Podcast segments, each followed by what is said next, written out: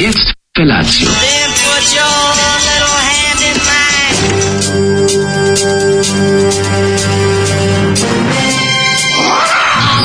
Grupa rozvojenih mladića trči po studenom vazduhu pre zore. Alarm. Ima da kane, nema problema. Svakog radnog jutra, od 7 do 10. Hajde, Geri, jako se velda.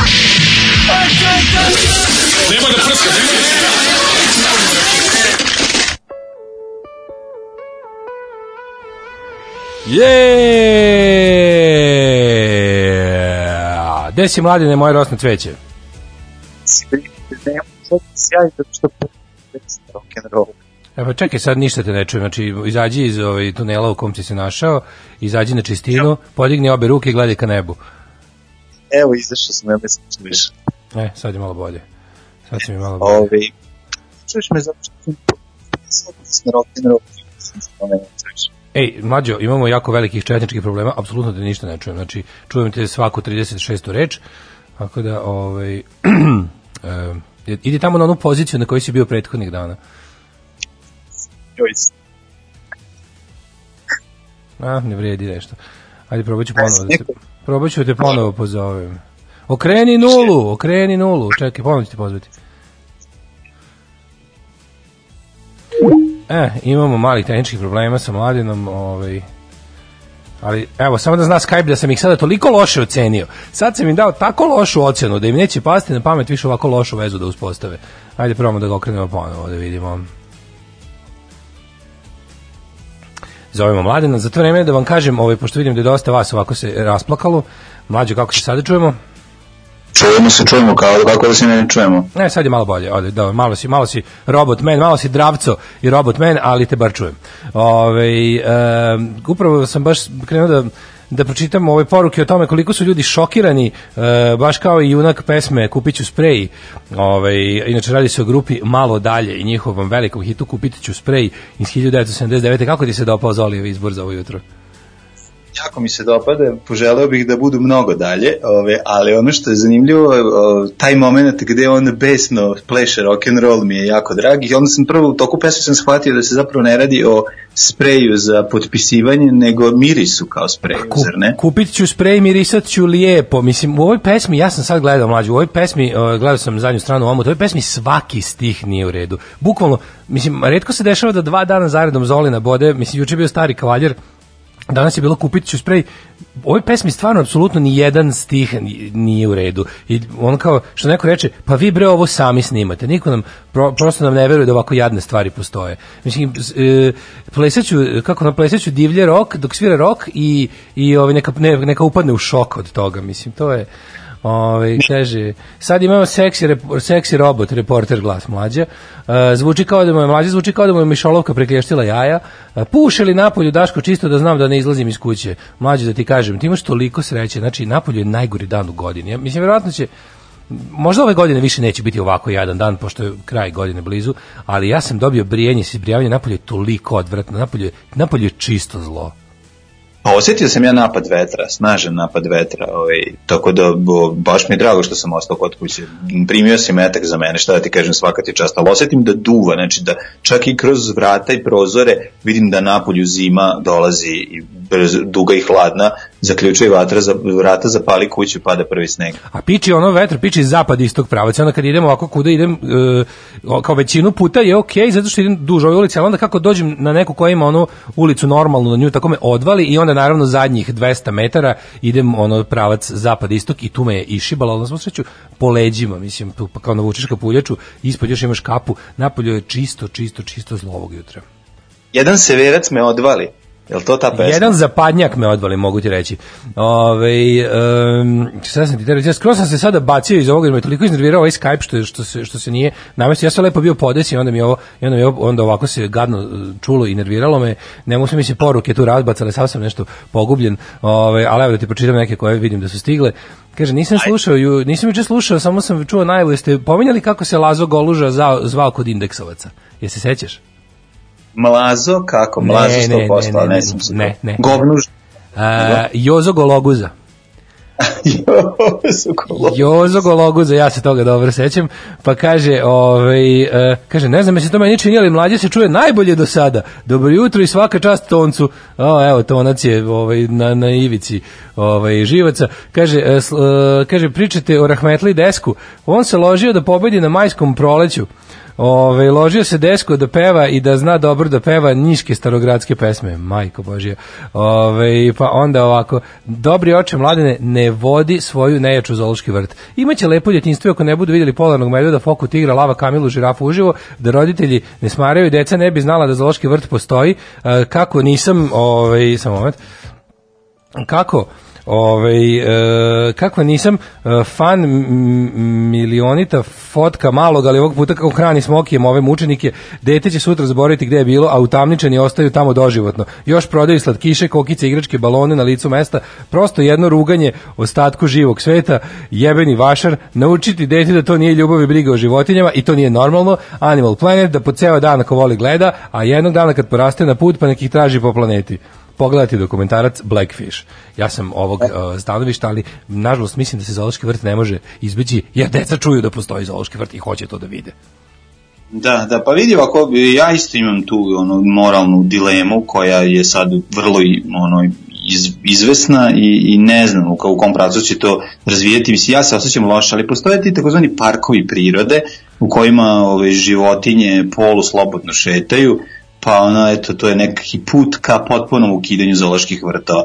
Tako da, ove, pretpostavljam da nećemo ići ove, još uvek dugo, a pokušat ćemo da se odupremo u potpunosti ove, toj, toj jel, da, želji da se ipak ode da se vidi slonovi, lavovi i majmuni i prelepa kineska lepeza, ali ovi, da, da, da treba se ukinu trebaju. To je definitivno ono, zatvor za životinje u kojima ovaj, svaka malo ovaj, malo ovaj, životinja evolutivno naprednija zapravo pokušava da razvije palac i, i dobije pištolj i izvrši samoubistvo, mislim, to je jasno. Znaš ti, mladene, kako sam ja tužno počeo ovo jutro kad se probudio, čuo da mi onako od vetra klepću, klapću ovaj roletne, znao sam da napolju pre, no, znaš kada ti, šuko oladi više kuću čoveče kada šiba vetar celu noć po njoj, ono, baš, baš bude, bude ti ono 3 stepena manje u prostoriji, unutra ako imaš i dobru izolaciju i zidove od 50 cm. Ja sam se probudio, i video da su mi, znaš ti koje prihvatilište za mačke sam ja jutro imao u stanu. Bila su dva moja mačora, bila je drugarica Mrvica, moja prva mačka Amazonka koja ne ulazi mnogo u kuću i bio je ovaj debeli žuti mačor i još sam u ovome špajzu video ovoga mačora uličnog Peru koji se isto sakrio kod mene. Nije baš ušao skroz u stan, ali je ušao, ušao mi je tamo u špajz. Znači, to je toliko bilo smešno da je bilo stvarno ono prihvatilište za skućne i beskućne mačke koje su se zatekle na ulici, a onda mi se desio najgori jedan, jedan od najtužnijih momenta jutra, a to je doručak bez leba. Našao sam u frižideru tako raznih nekih stvari i onda sam ono, onda sam jeo, znaš šta sam jeo za doručak? E, salame i majoneza.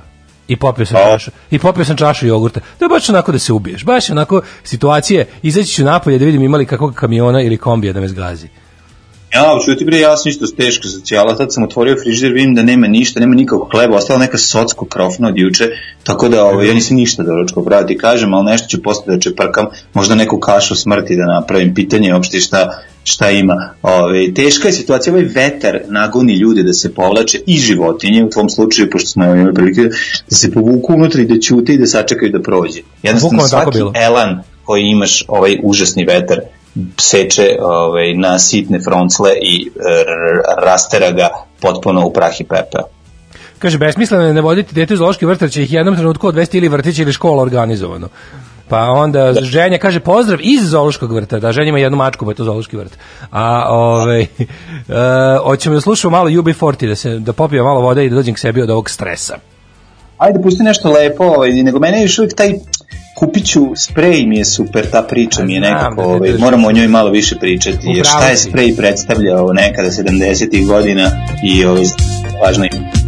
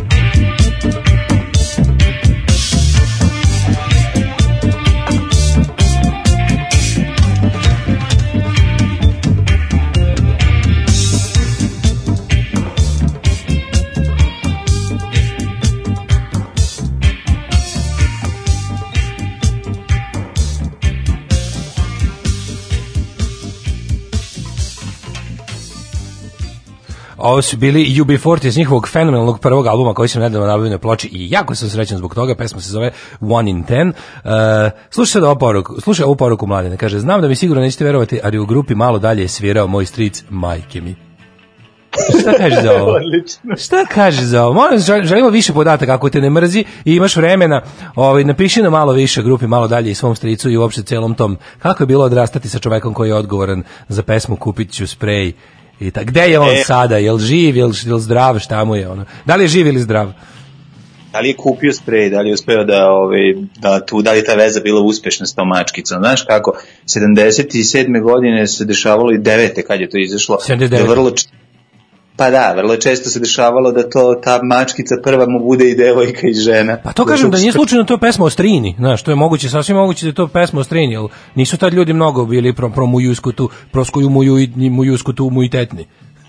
Pa to ti kažem, zato ovaj, o tome treba isto voditi računa i, ovaj, i proveriti to s druge strane. Kažem ti, taj sam, kad si rekao kupit ću sprej, prvo ono sam pomislio, u ovo je neki Grand New Wave, kao ja neki, mislio, ono, da. neki no, alas, da, neki punk, kupit ću sprej, a međutim kad je krenuo riff uvodni da ga valja, kad je krenuo da žvaći, čeka, čeka, a ja pa rekao, ovo nije sprej za činiti nepočinstva po fasadama u komšiluku, ovo je sprej, takozvani miris. Pa ja kad sam u jednom trenutku čuo da se kad sam kad mi je bilo jasno da će kupiti sprej da nije auto lak, pomislio sam jebote šta ako je fresh step, šta ako mu smrde noge ili tako nešto.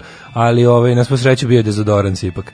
Ovaj pošto ne znam šta još mogu kupi VD40 i kontakt sprej čuveni je mogu da kupi. Što su što I su njoj, omladina i njoj je tako odlučio da kupi, ako si primetio, uh, ideja da njoj kupi poklon. Znači da. on bude mirisan i da donese nešto lepo, tako da je tu snošaj bio zagarantovan. A, šta se nalazi u onom helikopteru na limanu, pita neko. U helikopteru na limanu se nalazi teretana, sad ne znam da li se da li se još uvek bila je teretana. Jeste, teretana i dalje, inače, u heli, samom helikopteru mislim se ne nalazi ništa, samo je Pa možda ima tu, zaboden. možda ima tu Pa WC, počne. možda je WC u helikopteru kad se uđe. Ali je, ovaj, mislim, ne znam, nisam unutra bio, ali mislim da je teretana i da se zove baš čelik, ako se dobro sećam. Jeste, Teretana je skroz, a na, na samoj teretani, ako se ne varam, je ovaj, je iscrtan lik, neki kao superheroj, mega jak, ali onako balkanac. Pa baš čelik, baš čelik, više izgleda kao neki ono, kao neki iz epskih pesama junak. Nije više on, nije onaj onako anabolik steroid što unutra dolazi verovatno na treninge, nego je više onako ideal o tome kako treba izgledati, ali neš uspeti ako ne kupiš suplemente. Kakvi ne izgleda više kao neki nabildovani vajta. Više poliva na Zorana Nikolaša, našeg iz spota ovaj, stremene.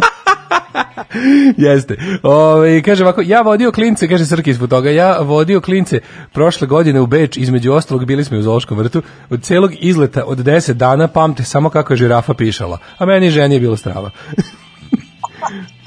e, dobro jutro, kurabinjeri, ne slušam vas, ali crkni zoli za svaki slučaj, apsolutno si u pravu, ne moraš ni da slušaš da bi znao da je užasno. E, dobro jutro, ljudi, ala bije napolju, jebeni vetar, probudio me, tamo da nam pročisti vazduh, malo to je ja sam siroma pomislio, znaš što mi tako, mi iz luzerskih zemalja, mi koji živimo te tako naše živote, gde na svako sranje koje nas tresne u facu, moramo da smislimo zašto je to dobro da se ne bismo ubili. Ono. I onda sam Da, pa ovaj, do- I onda sam tako da skontao da, da, zvuči. da, da, ćemo, da ćemo disati. Kao je, možda je napolju odvrtno i ne možemo napolje jer toliko šiba vetar da ćemo ono ostati bez usta koja će da ispucaju i da nam otpadnu. Ali eto, kao disat ćemo, sad bit će jedno 30, ono 24 do 36 sati vazduha za disanje. Dobar je život, šta fali? Polako dale, moraš vedrije, vedrije ući u dan. Prvo i prvo, moramo te pohvaliti što si postala sigurna kuća i ovaj, narodna kuhinja za mačke. Jesam, da bi boga se mi. bre iz, kaba- iz kraja do, dolaze. I onda o, da. može SNS zbog toga se naljuti na tebe, zato što prikazuješ sliku Srbije kakva nije. Šta sad kao Srbija neka siromašna zemlja u, kome, u kojoj čak i mačke moraju da dolaze u narodnu kuhinju. Pa da, mislim, u pitanju je zabavna kuhinja zato što me ovo, boga mi, dobro što primetio, ove nedelje sam dva puta išao po mačiju hranu. Jednostavno pojačala se potrošnja, šta da radi čovjek. Nego, ovaj, morate kažem, znači, ova nedelja mi je tako odvratna, mrzim je, ono, izgleda mi kao da je počela pre dve godine, tako mi je naporno, tako mi se vuče, ono, po zemlji, znači, baš mi onako nekako, ono, baš mi jedno čekam da prođe, baš, i ono, ovo, ovo tužno uh, govorenje samom sebi i gledanje preko puta u ovaj glupi kompakt disk koji je neko okačio na terasu da plaši golubove, ne znam da li ti to radiš, pošto ovdje inače ti sediš, jer gledaš na posljednjem spratu zgrade preko puta ove glupe diskove koji stalno se okreću i, i zabljeskuju ti oči, a ama baš ni jednog goluba nisu oterali. To, gledam to zato što, ovi, zato što e, vrlo često bljesne to, pa, mislim, pa, pa se onako zbunim o čemu se radi. I onda kad, se, kad smo pričali o tome da neko pokušava da nas snajperom smakne, Ove, to je bilo izazvano time što sam video odbljesak od Da. kompakt diska. Ali ono što je sigurno, recimo, panduri neće zaustaviti, saobraćajci neće zaustaviti njegovu terasu. nikad taj stan neće zaustaviti. Da. Pa ima kompakt disk, znaš da on služi da upija radar. E, Znaš šta pitam se? Pitam se često koji su diskovi, tako zamišljam kao prvi je Legende, drugi je grupa Katapult i treći je Arinka i Tingle Tangle. A, ovaj, e, garant su neki DivX-ovi. moguće, da, pogledaj ono kao, ne znam, da, neka prva, treća sezona prijatelja, ono, moj rođak sa sela i na trećem disku mu je ovaj, kompilacija e, Rambo 1, 2, 3, 4. Nego kaži mi, kako si ti proveo jučerašnji dan? Nešto radio? Jučerašnji dan jesam, ovaj, bio sam aktivan, što ćeš saznati sledeće nedelje u detalje, O, ali ono majko što se mila, zanimljivo bio, dan mi je ulepšan jednom lepom vešću, a to je da sam dobio na poklon e, italijansku gitaru Eko Les Paul od starog prijatelja. Kako se zove gitara? Eko?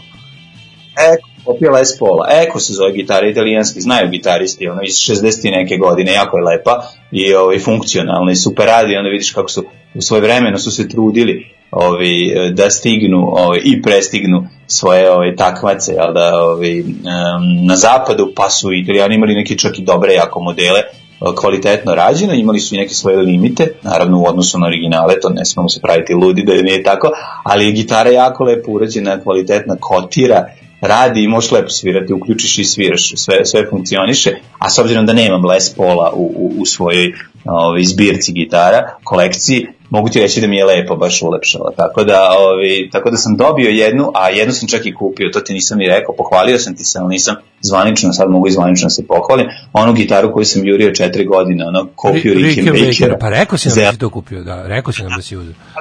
Tebi, ali nisam rekao u programu. Evo, sad prvi put govorim u programu. A. Tako da ovi, sada, sada smo, ovi, sad, već posjedujemo ozbiljnu kolekciju, ovi, koja kad se lepo okači u zidu, a, ove, na zidove, to će izgledati jako lepo, a sviraće se naravno. Kod mene prvo funkcionalnost, pa onda sve ostalo. Znači prvo da se svira, da se uključi, da se džara, a onda ćemo da je okačimo na zid, ali ne o clean, nego na zid da ti bude lakše da dođeš do nje. Tako da, eto, ovaj, vlasnik sam još jedne ponosne gitare.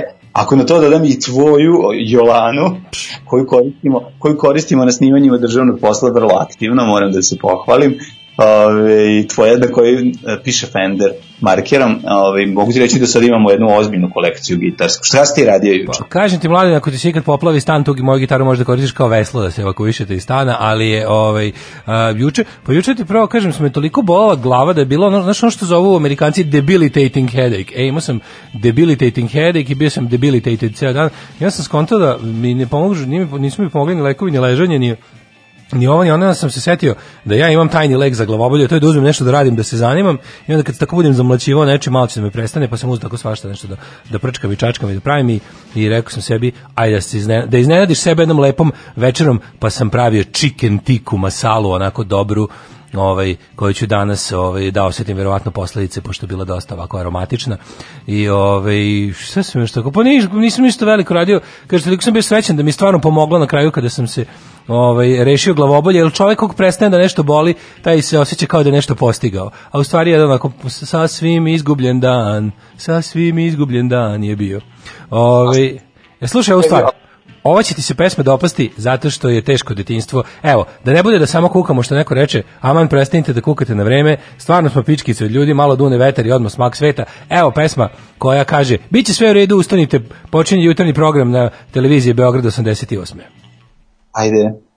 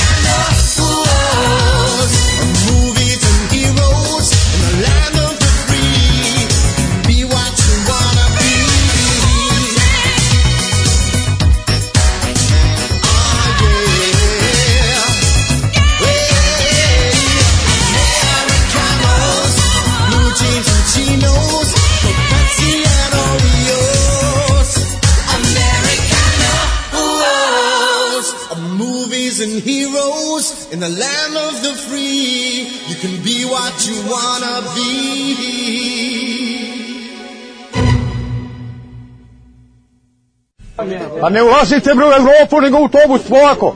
Alarm sa mlađom i Daškom.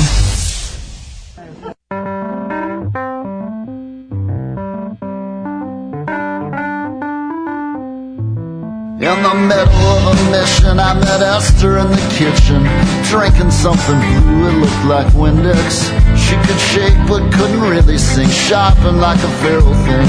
Helped me with my part when I lost interest. She said her name was Esther. I said, baby, that sounds biblical. Ain't she the one that came up after Vashti? Yeah, and then some other stuff. At some point that I fell in love. Then she heard a song she liked and lost me.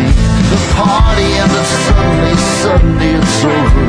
That left me and Esther all alone and getting older. All alone and getting older. Smoking in the street. Now everything is and It's been that way all week.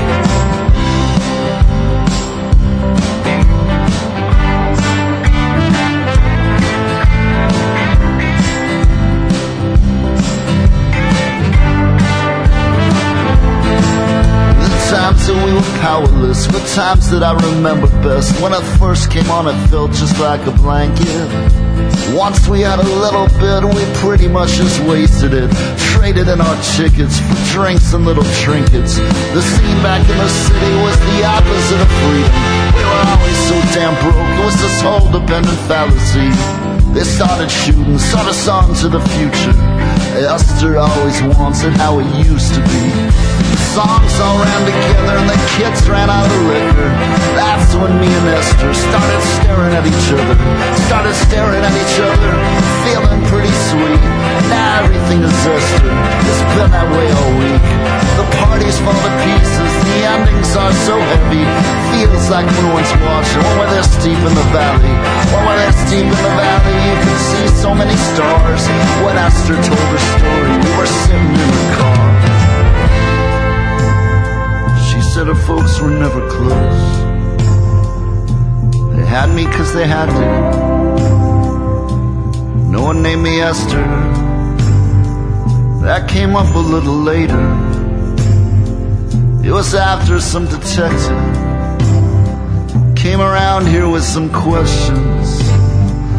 I went out to Colorado. Was mostly in the motels. Started living pretty reckless. Started calling myself Esther.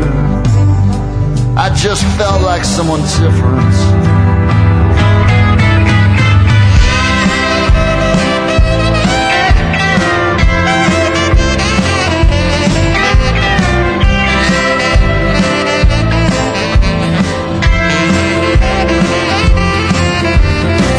Like someone different, and I never could forgive all the movies in our heads about the lives we want to live.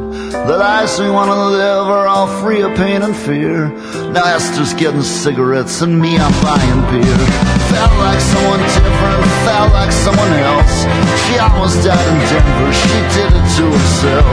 She did it to herself, it's only her to blame. Of course, I call her Esther, I don't know her other name. She's never going home, her folks were never close. We mostly watch the TV, crack the windows when we smoke. Her aura is amazing, but her rum is kind of bleak. I met Esther at a party, been together for a week.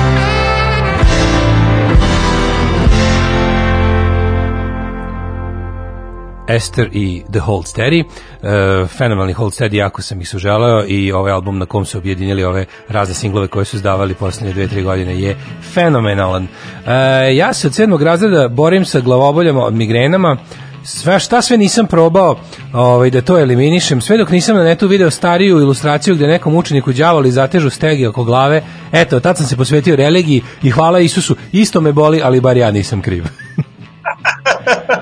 Da, e, ali ja moram da kažem da juče nisam imao migrenu, imao sam onu klasičnu uh, hipertenzija glavobolju, pritisak mi je bio uglavnom 160 sa 90, posle sam ga spustio na 150 sa 90 i proglasio to neviđenim uspehom. Ovaj E, to je užas, ne, ta e, hiper, glava obolja od hipertenzije je jeziva, ali bar nekako možeš da je iskontrolišeš, odnosno spustiš ali kad krene migrena kao migrena, a, ovaj, a leka ne, a leka nema, nema ne, e, to je problem. A ovaj, zamisli, evo kako ti učini da ti uh, jutro bude lakše. Zamisli ljude koji imaju problema sa trigeminusom. E, oni ne mogu da po, pomognu sebi, a ona svaki dan po, požele, dobro, nećemo, ne moramo da se merimo sa, lo, sa gorima, ali ću ti kažem, ima i gorih slučajeva, pa nek se i oni zaposle. Ja ne znam šta je trigeminus, nemam pojma šta je trigeminus, daj kaži mi.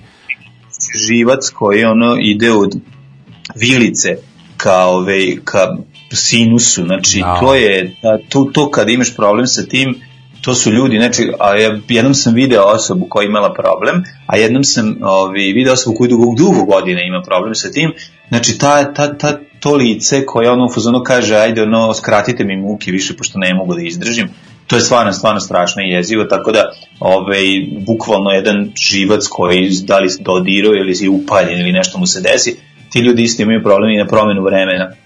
Ako duva vetar pa se ovaj, ponovo pokrene taj bol, taj bol je bukvalno neizdrživ. Znači, ja sam ne možeš da veruješ, kao uzo bi neko izvadio sebi oko i iščantrao to što ima unutra, izvadio, znači kao u Dylan Dogu, ono, ovo postaje nepodnošljivo. E, tako izgleda, ako se sećaš one scene, ne znam u kom je to tačno epizodi, kad U ovaj čovjek epizodi. sam sebi oko. U svakoj epizodi Dilana Doga ljudi vade sebi oko. Mislim da od 100 epizoda u 98 neko vadi oko. I moja fascinacija iskopanim očima upravo dolazi iz stripa Dylan Dog. Znam da sam kao kreten stalno to crtao kao klinac, zato što mi to super izgledalo. I znam da, to, znam da nije ništa, znam da sa mnom mnogo toga nije u redu, ali krive Dylan Dog. Nego sam teo ti kažem, Ne treba ti Dylan Dog da ti to reši, treba ti da ti reši ovaj lekar koji zna šta je problem sa trikeminusom. Jer uvijek ima naučno objašnjenje u svemu, dragi moj Milinović. Gledao sam neku ovaj, top listu kao najvećih bolova koje ljudi podnose za života, koje mogu da ti se desi. Pa na prvom mestu valjda prolaženje kamena iz bubrega, ili to kao passing the kidney stones, pa je onda, ili neko kamena već odatle tamo de, iz, to, iz tog sektora, pa onda zubobolja i porođaj. Mislim, ovaj treći ti ja nećemo nikad osetiti, ove, ali kao to su top 3 bole. Sad verovatno se tu uglavljaju i taj tvoj trigeminus. E, ali šta je s bubregom? Šta je s bubregom? A, pa kamenje iz bubrega, kao to je najveći bol. Kao, kad ti ide kao kamen iz bubrega, to je najveći bol koji možeš, otprilike, bez da te sad, ne znam, rani nešto mehanički da se povredi. Znači, ono što može u okviru samog tvog tela ti se desi bez da te išta osakati ili da ne znam šta, kao da se nekako povrediš sa spoljašnjim faktorima, je kao najgori bol je kao prolaženje kamena iz bubrega. Jeste, ja sam pesak iz šora iz bubrega, mogu ti reći da je pakao, znači kao da pišeš vrelu lavu, eto tako je taj osjećaj. Kao da, kao da ne ti neko sipa lavu kroz tebe i ti je izbacuješ napolje, mislim, stvarno je jezivo. Evo, pokrenuli ne bi, smo- Ne bi po- preporučivao. Pokrenuli smo sajam bola u porukama, da vidimo samo šta kažu. Kaže ovako, ovaj, uh, trigeminus je trokraki nerv lica, imamo ga svi, ali neuralgiju ima samo poneko. Samo migrena, materiju 10. godine, okularna migrena, pored glavobolje i privremeno slepilo, samo mogu da vidim periferno, sva sreća pa ne traje dugo, oko 20 minuta, nema leka, sa tim se umire. Dobro, sa tim, ali ne i od toga, nadam se. Napad žučne kese, ne možeš da dišeš od bola. I evo ga, to je po, po, otvoren je veliki novosadski međunarodni vele sajam bola, pa možete svoj štand prijaviti ovde na 0664422266. Ove, jednom u životu imala napad migrene i mogu reći da je aspirin e, migren ko, kao mešavina koju napravi moj tata kad mu stane želudac e, da bolje podrigne. Aha, dobro je. Ove, kad stane želudac, to naravno rešava soda bikarbona, je tako? Soda bikarbona, tako je, tako je. Ne, hoću o neuralgija trigeminus, da, zaboravio sam da dodam tu jednu reč. Svi imamo trigeminus, ali samo, na, na sreću, samo pojedinci imaju i ovaj, neuralgiju, odnosno pro, problem bol ovaj, sa tim, sa tim Koliko ja imam, nervom. čoveče. Koliko ja trigeminus imam? Garant se ono hvale ljudi kad ne znaju šta je, znaš koliko mi trigeminus je. Zvuči kao neki mišić kog si ono teškom mukom nabildovo u teretanu. Znaš koliko trigeminus imam jebote. Ono. O, Ali jeziv je bol, znači, ovaj, ali eto za no, bubreg porođaj i, i vojska, je tako? Šta je treće? Vojska je naj, najteža. Jeste. Mislim, zato što imaju porođenja, mi imamo vojsku Tako kao najgori bol. Mokrenje, ne- uuu, da, da, da, kaže, mokrenje posle brisa uretre, pa u nesvjestu higijenskom, mokrenje posle brisa uretre. Da li to je, kažem ti, to je fore što je to, to je spoljni faktor, ovo nije, to ti je neko povredio mehanički, pa si ti onda, da, ali mokrenje posle brisa uretre, majko mila je na dva komada, ono, znači zaredom, jer nisu dobro, jer su mislili da nisu dobro uradili. To je kad sam, kad sam bio klinac. I to je bilo, to je bilo stvarno pagao. Ja sam prijatelj išao na pet, mogu ti reći kad te defloriše prvi put, drugi, treći i četvrti put ne boli. Četvrti put više i ne boli tako. A znači prvi put je horor horora. Kidanje- Znači, šoranje je posle toga. Fore što ti ne znaš, treba da gruneš i da pustiš što brže da prođe, a pošto jako boli kreneš da zadržavaš i onda time agoniju praviš još gore i gore. Da, to se zove pišeš žilete. Kidanje zanoktice boli ko prostrelna rana. Od ja da radim, ovaj, kaže, odem ja da radim bris uretre u higijenskom radi koji je pre radio kao odžačar. I turio onaj štapić pokrenuo da džara A, što kaže Bebek, pustio sam jednu suzu mušku, najtežu. Jedna od najčih bolova je bol u ku zvezdi srcu kad parkiraš na najprometnije mesto i upališ četiri žmigavca. Znaš kad te, ovaj, znaš da te nabije uz zid, sad imaju novu tehniku, nema kao lezina, ne, nego te nabije uz zid da ne možeš da pobegneš, jer ćeš ti ono refleksno krenu da bežiš unazad i onda su skontali to, a piše ne, a piše nema, nema, ne, i onda kad krene to rovarenje, Mislim, generalno bolje je da, u- da ga što više iz, iz, ove, izvrti, Pa da. zato što da ne bi morao drugi put da dolaziš. Znači, da ga uradi čestito, kao i, mislim, to je kod svih briseva.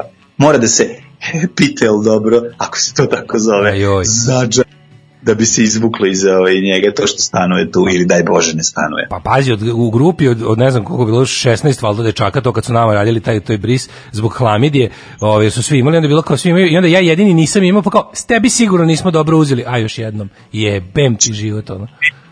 Izvini, izvini, izvini se moram nešto da prekinem. Kakvih 16 dečaka? Pa šta je ovo? Pa 16, Učenici. š- šest, mučeničkom smrću svi iz iste grupe koji smo išli ovaj, na plivanje smo stradili u istom danu. Tako da je bila, ovaj, bilo da ja sam jedini bio iz nekog nekim čudom nisam imao, pa su mi, a su bili sigurni da to ne može biti zato, kao aj tebi i tebi ponovo, međutim stvarno nisam imao hlamidiju, tako da sam dobro prošao. što sam spao s tri kure u Dom Perignonu, mislim, nije, nije, nije to razlog. Uh, kaže kamen u bubrigu je zaista pakao. Uh, dr, uh, draga koja ima dvoje dece kaže da, e sad fali ostatak poruke, da je to jedini bol uporediv sa porođajem. Da, da, da. Ovaj, uvo kad boli je zajebano baš. Kaže, nije kao udar u Family Stones, ali boli. Fora je što ovaj, uh, uvo, da, ja se sećam zauški kad sam bio klinic. Jesi imao zauški, jesi? Ja sam, ja sam kako ne. Sećam se i trenutka kad sam osjetio bol. Prvi put ja sam neke višnje i onda me zabolela jako. Majko Mila, a mi najsmešnije je imam kao ležim u krevetu, ono imam temperaturu oteko, ne, ono spojio mi se vrat sa glavom, izgledam kao ono kod, kod džinovska ona stvar, a ovaj, i dolazi moj ujak, moj ujak Daško, i donosi, kao evo da, da se, kao da se zanima, donesi mi nešto, da li je došlo su vojne vežbe, ili tako nešto, dono mi gomilo ono vojne opreme da se igram, ja, ja debil, natuk onaj pravi, ja naš šlem, od 5 kila na glavu, imam ono, imam 3 godine, imam ono temperaturu milion, ne skidam šlem jer mi je cool, stavio neke opasače, i onda kod tome se sećam zauški, ono. Da, ovaj, ovaj, užasno, mislim, ali opet to nije, znači, nije to sad neki neizdrživ bol. Mislim, ovo, ovo što smo nojeli sad su ovo sve, ovo su sve niže i niže ovaj, klase bola. koje Da, sad kao Pa doći, kolonoskopija. I Bolonje uveta je otpevala i Lepa Brena u hitu Boli me uvo za sve. Nemoj zaboraviti. Ajmo mi prijatelji u prošlost, vidi koliko je sati. U, čekaj, da, upravo si moram da namenim. Ajde, ajde, ajde.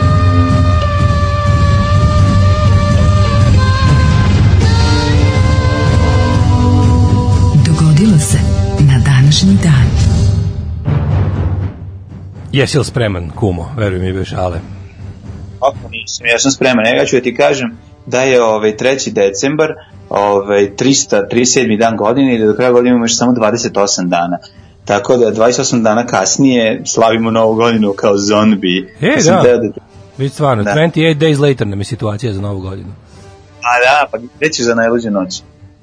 Za najluđu noć sam mislio, ne znam, može do Tuzle otići. O, može do Tuzle. Zato što sam, znaš zašto? Zato što mi fali soli. Ove, juče sam potrošio so. Kažem ti, tako sam dobru chicken tikku masalu napravio, onako, onako, ono, onako kako ja baš volim na tenane. Prvo zapeko meso marinirano, pa ga onda umrljo u ovaj, kako se zove, u, u sos koji sam onaj spremio, pa sam zajedno još sve to dokuvao, pa bilo baš onako pravilno kako treba. Ove, i, ali primetio sam da sam potrošio so, a zna se da je najbolje so, so iz Tuzle. Tako da ću... Ne samo treba otići u, u Tuzlu da kupiš direkt iz fabrike jer je jeftinije. Tako je, Sodaso. Sodaso iz Tuzle će da mi to sredi, a i čuo sam nešto će možda da nastupa Selma Bajrami, pa ko veli da ubijem dvije muhe jednim udarcem. O, kako da ne, da staviš malo soli na rep. Da, znam ja šta bi ti da stavim Ta, ta, ta, soli na rep, jeste, da. Danas je inače, danas je inače Međunarodni dan osoba sa invaliditetom. Mm. To da znaš od dane ovako, a moja istorija počinje tek 1694. Da li imaš nešto pre? U Engleskoj je usvojen zakon eh, prema kojem će parlament biti biran svake treće godine. a onda su to promenili. Ja mislim da Engleska ima izbore svakih pet godina, a ne četiri, čini mi se. Znam da oni moraju nešto mimo sveta da budu malo, tako da mislim da je pet godina tamo mandat i premijeru i parlamentu, čini mi se. Mm. E, Pa tek je 1906. a? 1800. Da francuska vojska pod komandom Žana Moroa je porazila austrijsko-bavarsku vojsku u bici kod Hohenlindena. Može se reći da je ovo period uspona mlade francuske revolucionarne koja je već, u stvari 1800 da već je pržila žestoko. prži- Tu već propala ovaj, revolucija. u Evropi. Da, da. 1906. osnovan je uh, italijanski fudbalski klub Torino. Uh, Torino, da, je, Torino ima bika na, Torino ima bika na, na, na grbu, ja mislim. Torino iz, Torino iz Milana, je li tako? Torino iz Milana, čuveni, da, naravno. Igrači dolaze iz Parme i igraju na stadionu u Rimu. 1910. u Parizu prvi put prikazana neonska lampa koju je izumeo francuski fizičar Georges Claude. Jeste, a meni prvi put prikazana na akvarijumu 1982. godine koji je Ćale doneo i stavio i neonsku lampu u kojoj su, zbog koje sam ja bio fasciniran jer je zapravo svetlela voda a ne lampa za akvarijum. A moja baba je govorila neumka i meni je to bilo jako smešno jer ona mislila da to proizvodi u neumu iz nekog razloga i ona govorila neumke i, i, ovaj, i uvijek imala neki biser sa svetlima. Bile su one, ako se sećaš, bile su one FEP posle, one sjelice kao nešto što traju pet godina. Ona je to govorila FET iz nekog razloga. Tako da je Ej, imala, znači- imala problem da izgovara ovaj svetlosna tela. Koliko zabave smo samo zbog neonke imali u životu, pa to je prosto neverovatno. Hvala Žoržu Klodu, hvala mu mnogo što nam je omogućio toliko ovaj, zabave razbijanjem njegovog izuma. 1912. Turska, Bugarska, Srbija i Crna Gora sklopili primirje u Prvom Balkanskom ratu. Rat je nastavljen 3. 2. 13. a novo primirje uspostavljeno 24. 23. 4. 13. kad su obnovljeni i mirovni pregovori u Londonu. A oni su ovdje zapravo dva balkanska rata, rata eh, gledali kao jedan, mislim, ovi, ovi koji pišu ovaj, ovaj unos. Hvalio bi se Klo- Klodu samo iz jednog razloga što smo Čongor i ja mogli da se igramo o, vratova zvezda i da imamo svetlosne sablje barem 15 sekundi dok jedan ne raspali neonku drugog koji takođe drži neonku i onda se on, e, e, one eksplodiraju u ruci. Da, Ali smo imali početak početak e, borbe protiv Darth Vadera, kako sam ja zvao Jeste. u igru. A fora je bila, ako, se, ako, se, ako ste vi tako radili, ako nije zima i ako nemate već dobre rukavice, fora je bila da uzmeš časopis ili neke novine cele pa da uvatiš da, da ne bi ti da ne bi isekao ovaj. U, znači tu gde držiš, tu gde držiš svetlosnu sablju, držiš je kroz novine, onako sa više slojeva. Upravo to, upravo to, svaka čast. Mali priručnik za debila. Uh, 1944. u Atini izbio, ajde. U Atini počele borbe između Elasa i vladinih snaga po, pod- pod podmugnutim britanskom vojskom, što je bio početak grčkog građanskog rata. Šta se desilo? O, ovaj, desilo se to da su Britanci odlučili da pomognu jednu od strana ovaj, i e, da zapravo u grčku komunističku partiju nacipelare i njihovu vojsku koja je bila ozbiljna ovaj, pobede i izbace sa grčke teritorije zbog toga jako puno Grka emigriralo koji su bili ovaj, proruski orijentisani emigriralo iz Grčke o, diljem um, Evrope koja je bila kontrolisana od strane Sovjetskog saveza. Uh, da, tamo su Britanci odlučili da pomognu grčke četnike. Uh, 1962. Edith Spurlock Simpson stupila na dužnost sudije u opštinskom sudu, u Čikagu kao prva crnkinja na mestu sudije u SAD. Pazi, 62. Tad još je trajala borba za ono civil rights movement, još nije obavio šta ima, a ona je bila postavljena u ovaj u, ili, u državi Illinois kao, kao sutkinje. To je onako bilo baš onako kvantni skok za Ameriku tih godina. E, 62. Teška magla koja je London prekrivala četiri dana uzrokovala smrt trovanjem sumpor dioksidom velikog broja ljudi. E, znaš šta je kao The Great, the great Smog of 62. Kada je, ovaj, to je bilo poslednje, ja mislim, veliko, ovaj, bile, bilo je tih smrtonosnih magli ovo, valjda, ja mislim da posle ovog nije bilo više. Pa ne znam šta je kombinacija, verovatno i to što teška industrija nije više toliko teška ili se izmestila u neke druge delove sveta gde Izmestila smrt se. dve i po hiljade ljudi ovaj, za evropljane ne predstavljaju važnu stvar. Mislim, sigurno gde je industrija ozbiljna i, i fun- radi kao ovaj, punom parom, pogotovo ovaj, čelika i uglja, pretpostavljam da tamo ovakve epizode mogu da se desi ponovo.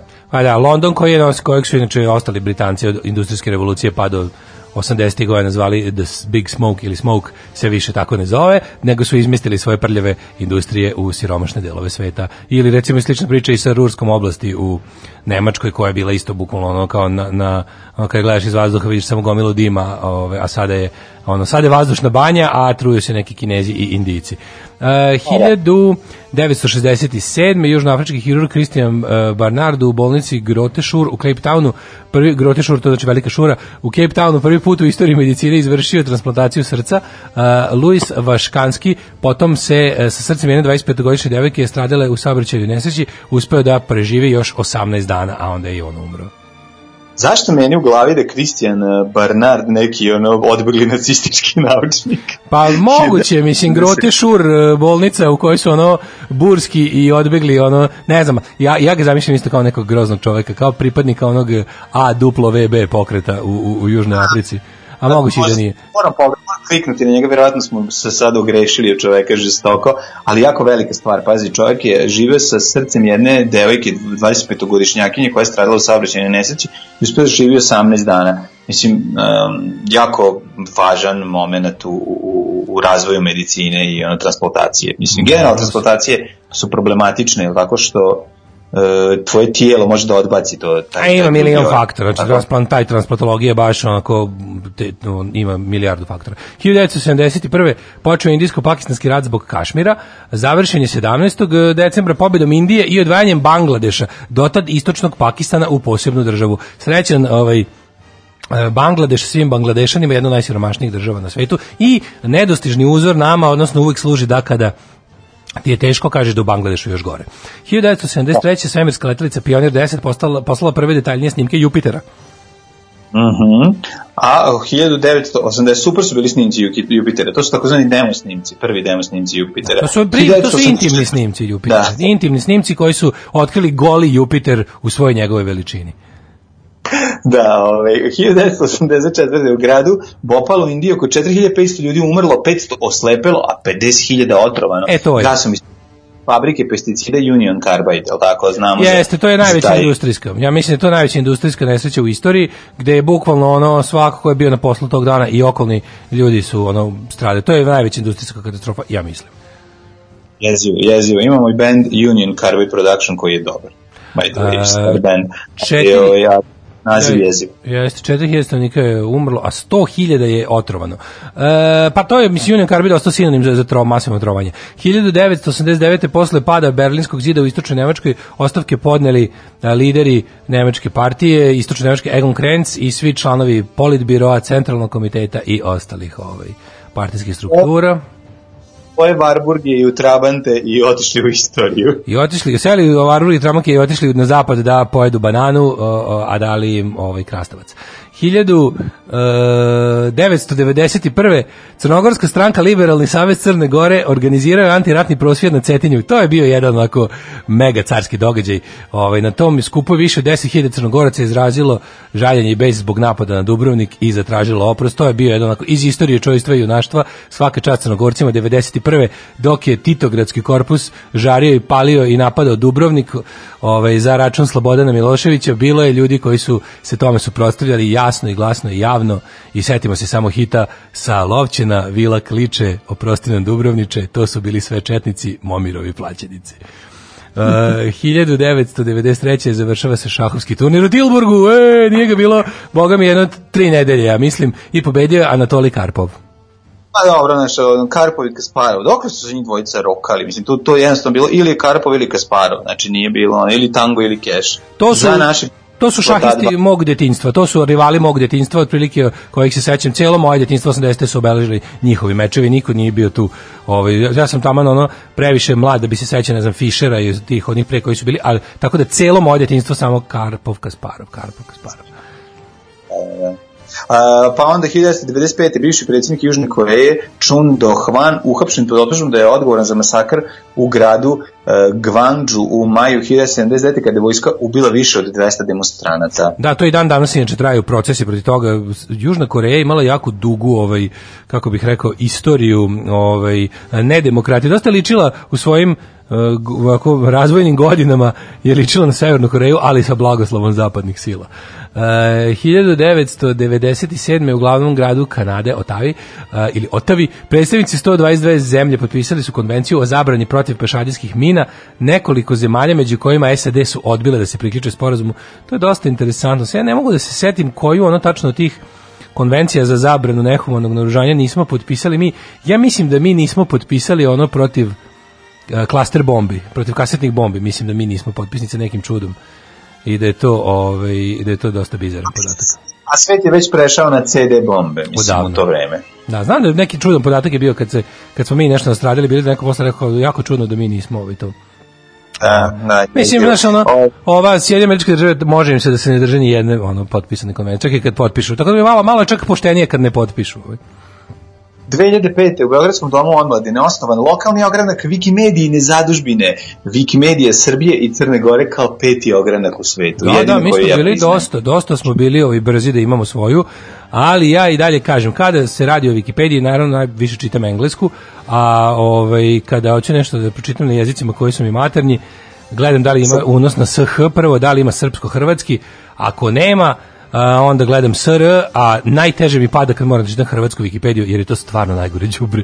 Hrvatska Wikipedija je najgore leglo nacionalizma, šovinizma i istorijskog revizionizma i uopšte ja mislim da je to najdesnija Wikipedija na kugli zemaljskoj. Ne mogu da čitam baš ono tamilske i, i ovaj, ne znam koje još postoje ono ovaj, bretanjske ili već to koje, jezike za koje ne znam nijedno slovo, ali od ovih jezika za koje, koje znam, ovaj, hrvatska Wikipedija je stvarno dno dna u naučnom smislu.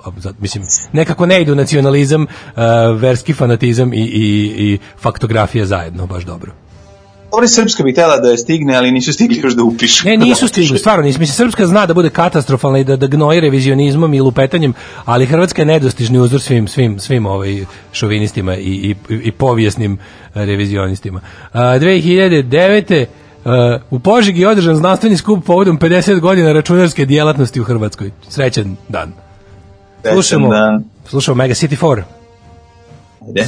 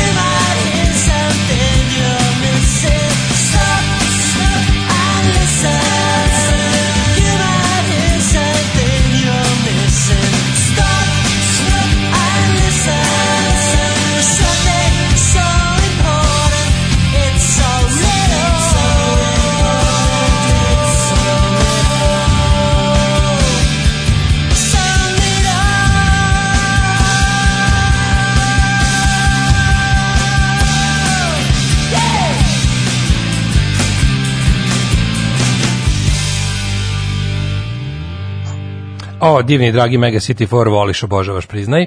Ove, kaže ovako, au, kaže, da, da je to bio sa 16 dečaka na briselskim orgijama.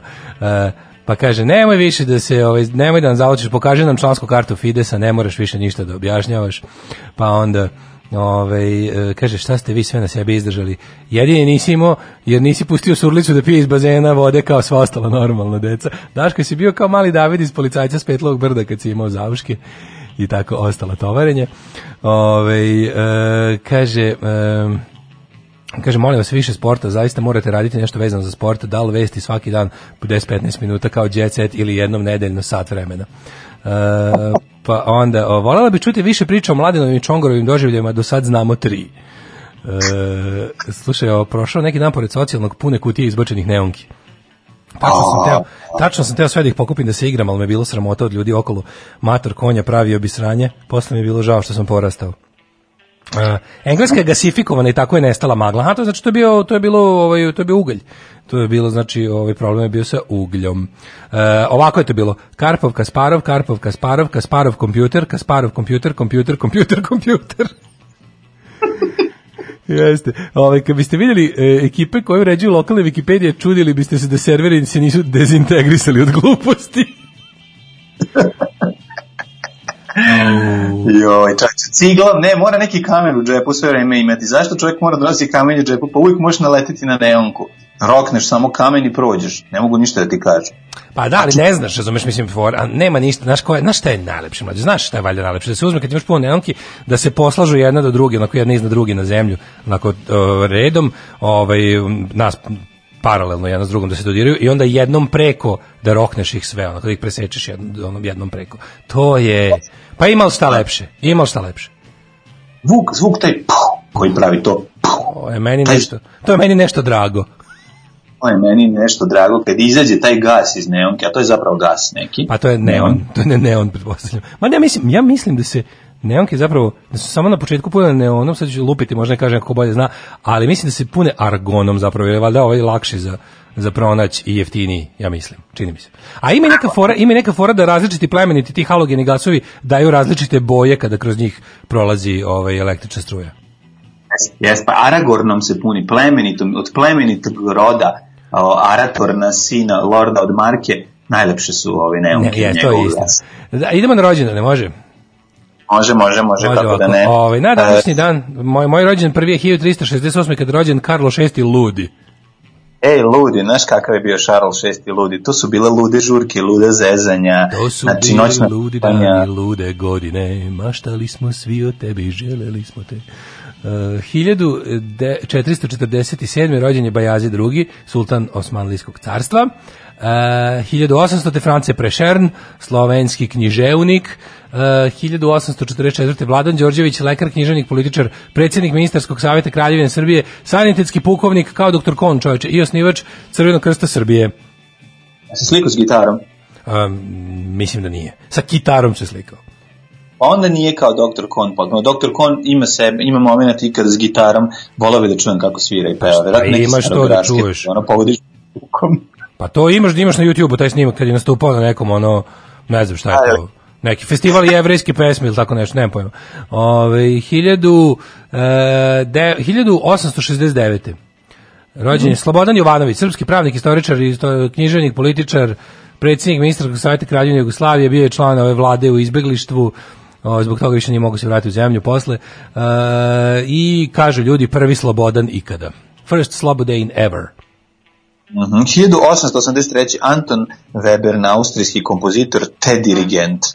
Um, da li znaš ko je Svetolik Grebenac, advokat i novinar 1887.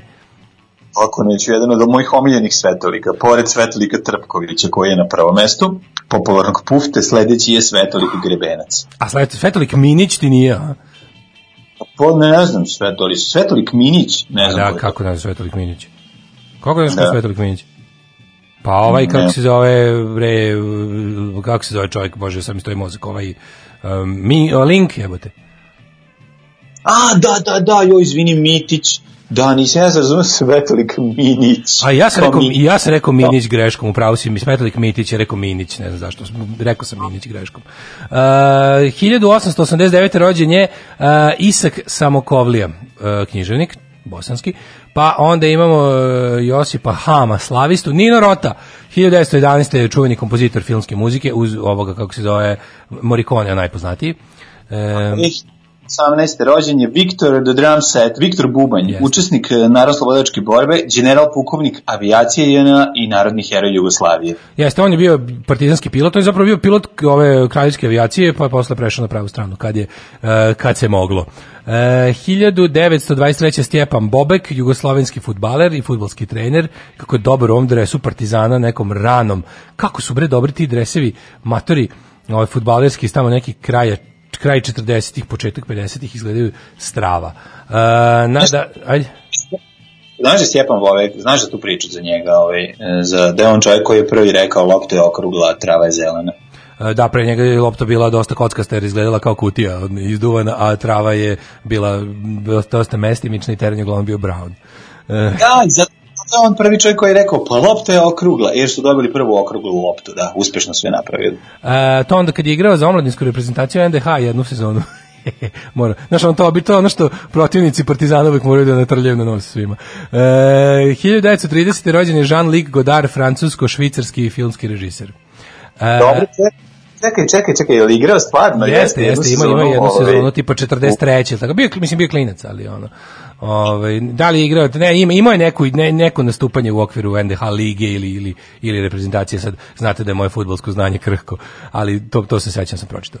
E, 1000 a, a, a, a, a, a, a, 1932. rođena Milunka Lazarević, srpska šahistkinja i novinarka.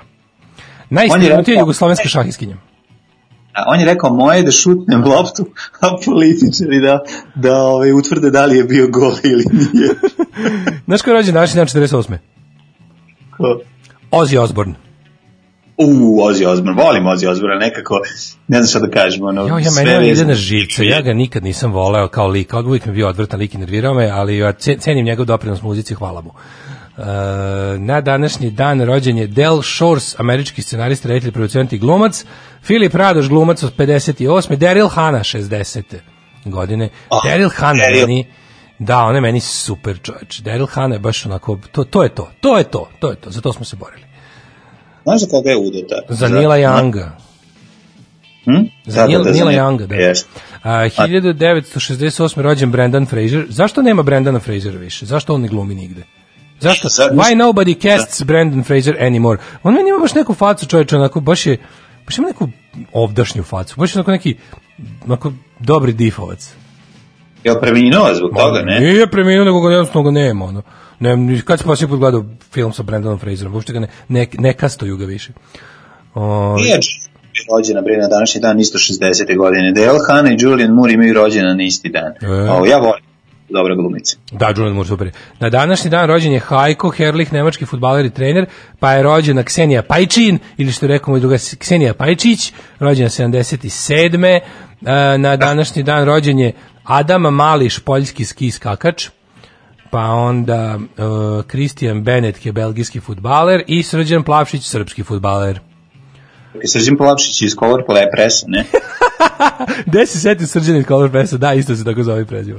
Ali nije, nije on. Mislim, više možda ako slobodno vreme nema ovaj, kako se zove, uspešnu futbalersku karijeru. Umrli na današnji dan. Dioklecijan, 311. godine. Znaš da su ga našli overenog ovaj, u, Diokli, u podrumu Dioklecijanove palače sa špricom u ruci. Jeste, jeste, pr, prvi splitski narkoman. A prokleti zvani. splitski džanker čoveče, ćao mama, džankam se, znači našli ga, kaže, sazido sam ovu palaču, e, pa sam je propustio kroz vene i gotovo je bilo. E, mada sam sada ovo više kao purger, a splićani su više, e, znači, sazida sam palaču, pa sam prepustio kroz vene. E, 450. umro Sveti Petar Krizolog, biskup i crkveni naučitelj. E. E, 1400 1552. umro Sveti Franjo Ksaverski, a 1737. Ardeo de la Bella, Isusovac, propovjednik, misionar. 1888. izvoli. u Carl Zeiss, ne Rumenigi. Uh, Carl Zeiss, nemački optičar i osnivač istoimene kompanije, ako ovaj, hoćeš da imaš najbolji i najkvalitetniji pogled, neka to bude pogled kod, kroz ovaj, kroz dvogled Carl Zeissa. Znači, kako je to, kakve su oni pravili objektive. I dalje su neprikosnoveni, kaže. Ko, znači, Carl Zeiss kad piše, to znači da će biti dobro. To je bila fora što ta kompanija još za vreme DDR-a kao te zatvorene dirigovane privrede imala zbog toga što su imali stvarno jako dobar proizvod, imali su neki specijalan ono otprilike ugovori sa Nikonom i sa mnogim ovaj zapadnjačkim firmama da da trguju s njima. Tražila se njihova roba. Uh, 1894. Robert Louis Stevenson esejist, romanopisac i putopisac, autor mnogih nama omiljenih ovaj, romana za, za, za kad smo bili klinci. Tako je, Ostrvo s blagom najpoznatiji svakako, a nama najdraži je Dr. Jekyll i Mr. Hyde. Jeste. 1919. Renoir, slikar, umro. 52. Milan Grol, srpski političar, pozorišni križani književni kritičar, nisam znao da se bavio i time. Ljubinka Bobić, srpska glumica 1978. Gwendolyn Brooks, američka pesnikinja 2000. Uh, Bobić se zove, a, recimo, isto a, igrala pre drugog svjetskog rata, ali kada je bilo okupacija nije želela da igra Vidiš, ovaj, moglo dok se. narod, na, narod pati. To je to malo zanimljivo. vidiš, moglo se, vidiš, moglo se.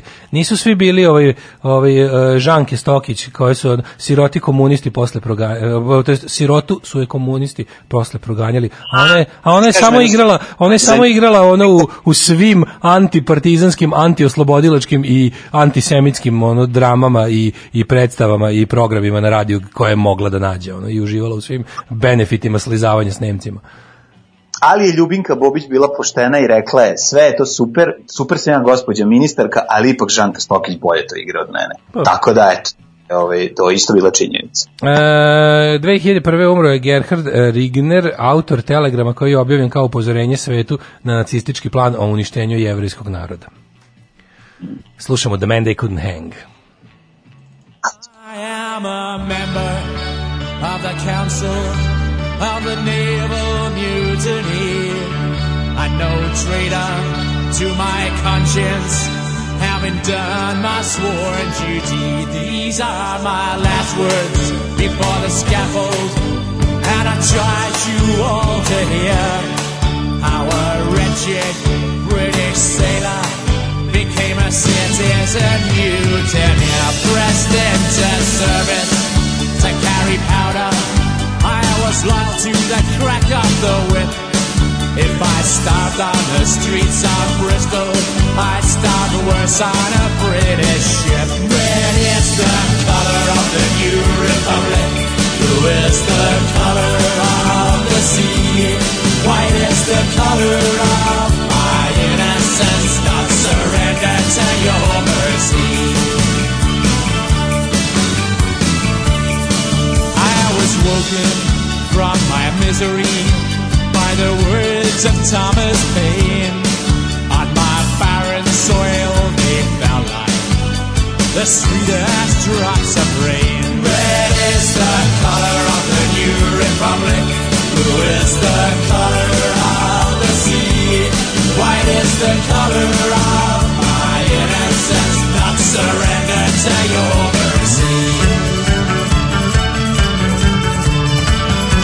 So in the spring of the year we took the fleece, every sail and cannon and compass sheet, and we flew a Jacobin flag to give us heart. While Brits stood helpless, we were waiting for Bonaparte. Red is the color of the new republic,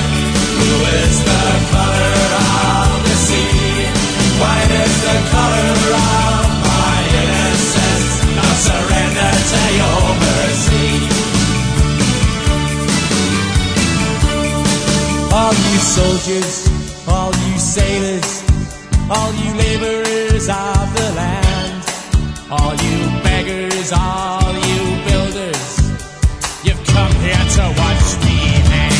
And to the masters, we are the rabble, we are the swinish multitude,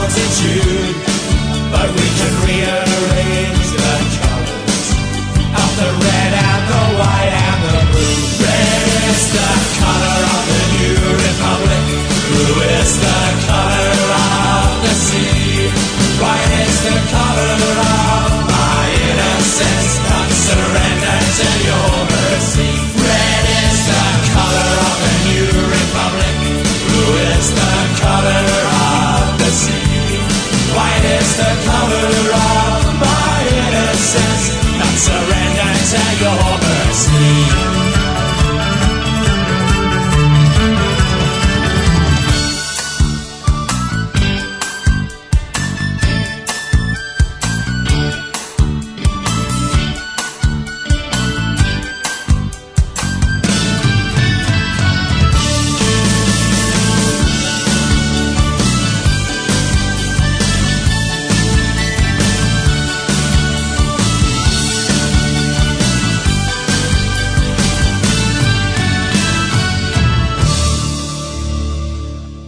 Bili The Man They Couldn't Hang, e, kaže The Man They Couldn't Hang band koji ste mi vi otkrili i hvala vam na tome. Um, Kaže, Brandon Fraser ima dosta porodičnih problema, pričao je o zlostavljanju, super glumac, šteta, zaista glumi sad po serijama, ništa specijalno, ali se polako vraća. Pa onda kaže, ste vidjeli da umro onaj lik što glumi Crnog Pantera i to u 44. godini? Šta ovo što sad glumi Crnog Pantera u, ovoj, u ovom kao blockbusteru, ovaj prvi crni superheroj, taj je umro. Ovu, uh, Hrvatska serija Zakon ima epizodu gde je tema Pikado meč, epizoda se zove Strelica špicasta. Gledajte. Znači, dok ne pogledamo Hrvatsku seriju Zakon, znaš, jednog dana to će biti kao kad smo pustili Cyber Insect jednog dana, tako će biti, ja ću doći jednog dana i reći, ej mlađo, pogledao sam tri epizode Hrvatske serije Zakon i naš slušalac će nestati. Znači, samo će ko se dezintegriše. Ne, jedino od toga jače bi bilo da zaista pročitamo šta se desilo na nekrofiliji u Švedskoj. E, to, To će biti poslednje, kao, to će biti poslednja emisija kad kad ga odlučimo da odemo u penziju, to ćemo da kažemo, no. Da će biti nekrofilija u Švedskoj. Mislim da bi to bio red, ono, kao za sve ove godine što ste čekali. Ove, e, Canon koristi i Carl Zeiss sočiva, takođe imaju i dilove sa različitim optičarskim firmama, a neki brendovi ski naočare koriste, koriste Zeiss sočiva, o kvalitetu ne moram, a o ceni nećemo. To isto, to isto. Nego te sam ti kažem, dobri su ti neobesivi ovaj band, ovaj Who. E, neobesivi bi mogla se zove, stvarno. Znaš si tribut, srpski, e, balkanski tribut, da, da prevodimo njihove pesme i zovemo se neobesivi. Ove, hoćemo da imamo vreme kako nas čeka, može? Može, može, ajde.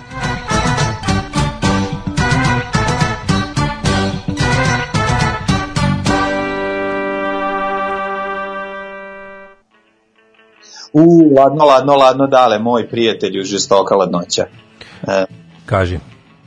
Nula stepeni u Subotici, Sombor 1, Novi Sad, Vica, Zrenjanin, Trojka, Kikinda 0. Čak je u Novom Sadu i Zrenjaninu prisutna i slaba kiša. Bananski Karlovac 2, Loznica 0, Mitrovica 2, Valjevo 2, Beograd 2, pretežno oblačno svuda. U Kragujevcu 4 stepena, što se tiče ove, Smederske palanke, tamo je bogami Kečina, ali evo ovako ove, kažu da je s veliko gradište na 2 stepena, a da je na crnom vrhu minus 7 i magla.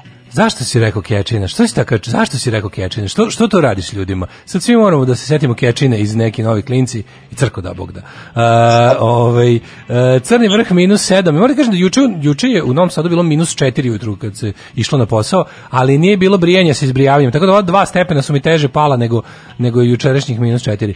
Uh, Negotin 1, Zlatibor 4, uh, Sjenica 1, Požega minus 4, Kraljevo 2, Koponik 1, Kuršumlija, Kruševac, Ćuprija 2, Niš 4, Leskovac minus 3, Zaječar minus 1, Dimitrovgrad 1 i Vranje 7. Kakav nas dan čeka? Vidim nešto da ću narednih dana neće padati ispod nula temperatura, bar according to my iPhone. Neće padati, ne, ne, u plusu i to u toku dana stići će u, u subotu da bude i 14 stepeni. Tako da će, ovaj, ali vetar će činiti da ovaj, budemo dobro zakopčani do, ovaj, do usta i da stavimo kapu ili kapuljaču na glavu zato što dolazi vetrina, ali iskreno ti kažem, radujem se višim temperaturama, pošto ovo, ovo, ovo napucavanje zimsko koje je krenulo, gle čuda, ovaj, 3. decembra baš me iznenadilo. Da, e, juče sam pogledao sve epizode serije Zakon, bar ono što ima na YouTube, ako ste voleli Bitange i princeze, volećete i ovo. Crni panter umro još u aprilu, umro je i Morton Joe iz Mad Maxa, taj što ga glumio. E, to sam vidio juče. Izgleda da nije i Morton kao što se priča. Ipak je umro. Ove, e, pojavio se Ludvig Bas Bubanj u Novom Sadu kod Božika Meleona iz 73. Možda mladi bude zanimljivo da ga okači na zid. Ove, pa neću, neću, neću da ga okačim zid, hoću da ga sviram, ali samo koja je cijena. A, samo treba. bas bubanj. Pa ne znam, kakva su tvoje iskustva sa sklapanjem e, kompleta bubnjeva od različitih marki i, i modela uopšte? To, je jako dobro. Znači, Može, napraviš sebi idealan kakav želiš, ali ove, hvala za ovu informaciju, pa nazvaću da vidimo. Jako skupo, to nije to, znaš, kada ono ludi to bubnji za košta mene. 5000 evra, to je baš skupo. Evo Ovo, ali treba napraviti kombinaciju, to isto zna biti lepo, lepo. Napraviš sebi šta ti odgovara. Najviše volimo ovaj bas bubanj, ovaj indijaner, napraviš kombinaciju, ovaj doboš, pošto doboš svakako svi kupuju sebi koji im Pa odgovara. da, Doboš je u stvari, Tako Doboš, za- da, da, redko kad sam video da Doboš pripada set, uvek je Dob, da, to, to, da, to. Ali nisam video, recimo, redko kad sam video da, da ono kao da na lupetam sad na Bašnjaku gore stoje neki prelazi drugi iz drugog seta. Čak i, čak, pazi, čak i ja koji sam u pa, onoj, onoj dosta nisko budžetnoj punk sceni proveo svoj muzički vek. Prijatelji moji, ja bih sklonio prelaze sa, ovaj, um, sa bas bubnja, znači ne treba. Znači, bukvalno od bubnja treba doboš i indijaner, odnosno bariton. To je ono što treba. Ovaj, Ti sviraš ono, ti sviraš postavku iz pogotovo. 50-ih, ono, da. Jesi ti gledao, ono, jesi gledao Fred Armisen, onaj Stand Up for Drummers? Tu sam naučio sve što sam želeo i što nisam želeo da znam o bubnjevima, ono. Jako je dobar, jako je dobar, sjajan. Znači- to jeste stvarno za bubnjare Da. i bubnjarima je najzanimljivije, ali je i za ostale ove članove benda koji rade s bubnjarima. Jeste, ovaj, bubnjar, čovek koji vole da se druži s muzičarima. A sada slušamo Crvenu jabuku.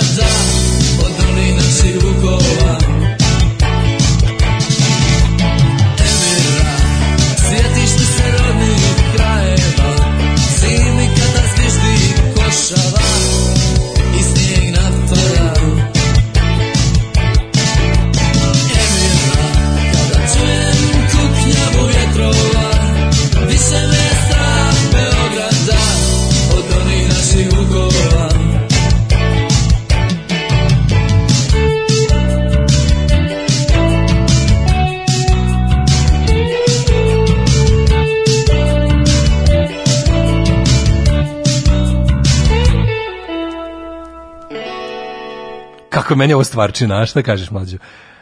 Brutalna stvar, brutalna stvar. Jesi nam natakario ovaj, u, u, u, ulaz u sledeći sat Yes. si zaboravio? 8 je časova. Radio Daško i Mlađa. Prvi program. I'm a large professional, nego sam teo malo da ubacim ovog neformalnog, da, da iz, kako da kažem, da nategnem do, do pucanja ove fantastične tehničke mogućnosti koje sam razvio. Ove, kaže, ali ovo strava pesma, a i mene je strah Beograda, pa onda kaže da se razumemo, prva tri albuma Crvene jabuke su odlični, ali i dalje mi se sviđa sve kada Gigi otpeva. Emira je najpocijenjenija pesma You Rock, i hvala vam što je puštate. Kako je ovo dobra stvar. E, Crvena jabuka, prva dva albuma Guilty Pleasure. Ne mogu da verujem, niko nije kenjao da nam je seljačka muzika. Znači, to je dobro. Kaže, da vas ne plaćam već zbog Emire bi kanulo. Tako da ja volim kad je nepodeljeno zadovoljstvo među ovaj, ovom našom radničkom lumpen sirotinjom koja je budna u 8.23 po ovako hladnom danu. Ove, e, volim ovu stvar od jabuke i mrzim što sam rođen u Košavskom području umjesto u području Pomoranđi. Aha. E, ali dobro mi je jako taj moment sa, ovaj, kako se zove, sa strahom od Beograda, odmah se setim ovog Caneta milicionera. o- Caneta milicionera u specijalnom vaspitanju kada on kaže pa ja nikad nisam bio u Beogradu. Znači to mi odmah mi se stvori taj njegova faca zbunjena i strah što treba da ide u veliki grad. Ali ja, ja sam primetio da ti ve, možda malo čak i veštački održavaš strah prema Beogradu, zašto ja vidim tvoje neki miks oduševljenja i straha uvijek kad idem u Beograd. Uvijek je tebi uvijek svaki put kao da je prvi i odbijaš da naučiš bilo šta o saobraćaju u tom gradu. Ne, naučio sam, gotovo je, to nestalo. To je bilo ranije dok sam imao Renault 4. Na odlazak u Renault 4 u Beograd je bio strah zato što odlaziš u Renault mislim, 4. strah, A me, sam- strah me i narednog kvarta ako idem u njega Renault 4, a ne Beograda. O, Ne, ne, od kad imamo automobile koji, koji se, kojima se ne otvaraju prozori kad kočiš, e, nema više toga. Nestalo i malo mi nedostaje to. Fali mi taj cane milicioner moment, ono, ljudi moji, pa ovde se ne zna ni ko pije, ni ko plaća. Mislim, kažem ja to opet kad svaki put kad odem u Beograd, ali nije to više iskreno. To je samo na po samom početku bilo iskreno. Kad smo išli svirku Renault 4, a sve se zamaglilo, pošto unutra pet ljudi kontrabas, pa smo onda prošli kroz Beograd i nastavili van Beograda jer ja nisam video gde treba da se skrene.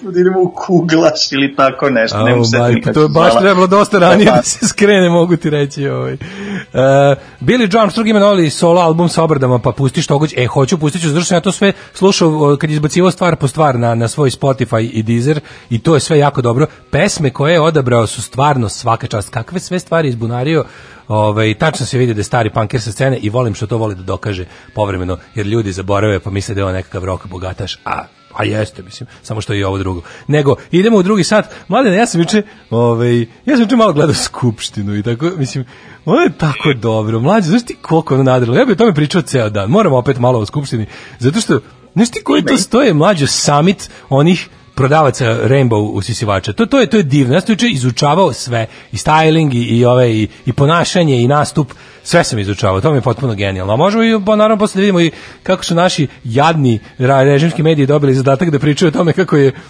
opet ono što smo pričali, znači nije dovoljno da kažu, nije dovoljno da slažu da pošto u Srbiji užasno stanje zdravstveno, ovaj nije dovoljno da kažu pa nije tako užasno da to malo lažu, nego ne, kod nas je najbolje mlađo. Da, pa da, pa da. A ovaj novo ime, e, ovaj dale, e, ovaj sa scene politički svakako Bilja Pilja. Pa Bilja pilja naravno. pažnju. Ljabi E, naši ljapije, govornici. ljabi ljapije iz Novog Sada, tako da ovaj nema govnarstva do Novog Sada. Znači sve je to u redu, ali za pravo govno morate doći u srpsku Atinu.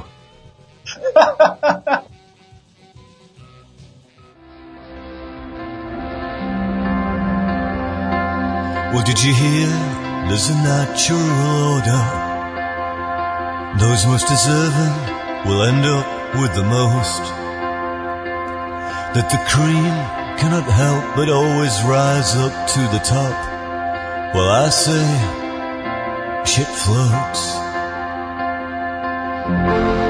If you thought things had changed, friend, you better think again.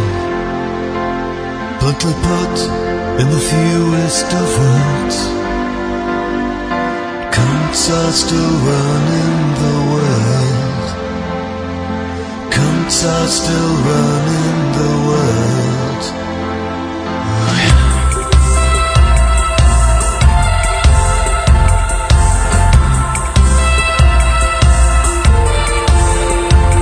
Now the working classes are obsolete. They are surplus to society's needs. So let them all kill each other and get it made overseas. That's the word, don't you know? From the guys that's running the show. Let's be perfectly clear, boys and girls. Oh, cunts are still running Are still running the world. Oh, yeah.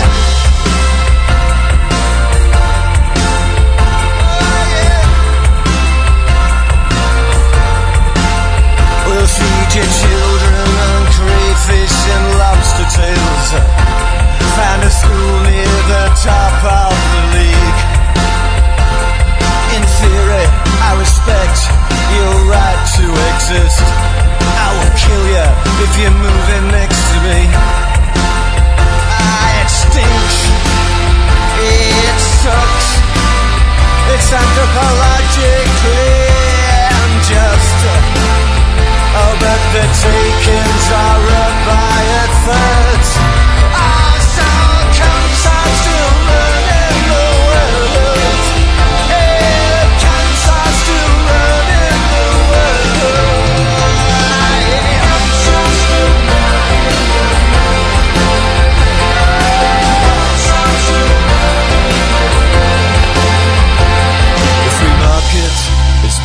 Perfectly natural. Do you think that I'm some kind of dummy? It's the ideal way to order the world. Fuck the morals, does it make any money? And if you don't like it, then leave. Or use your right to protest on the streets. Yeah, use your right, but don't imagine that it's hurt. No, no, no, our tongues are still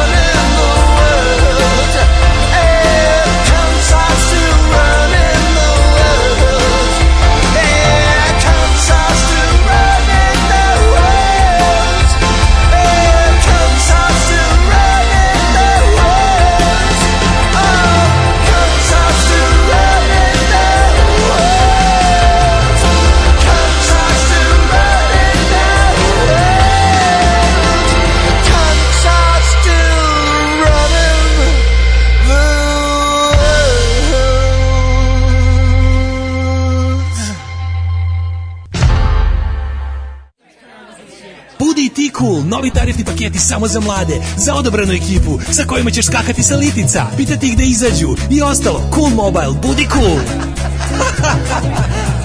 cool.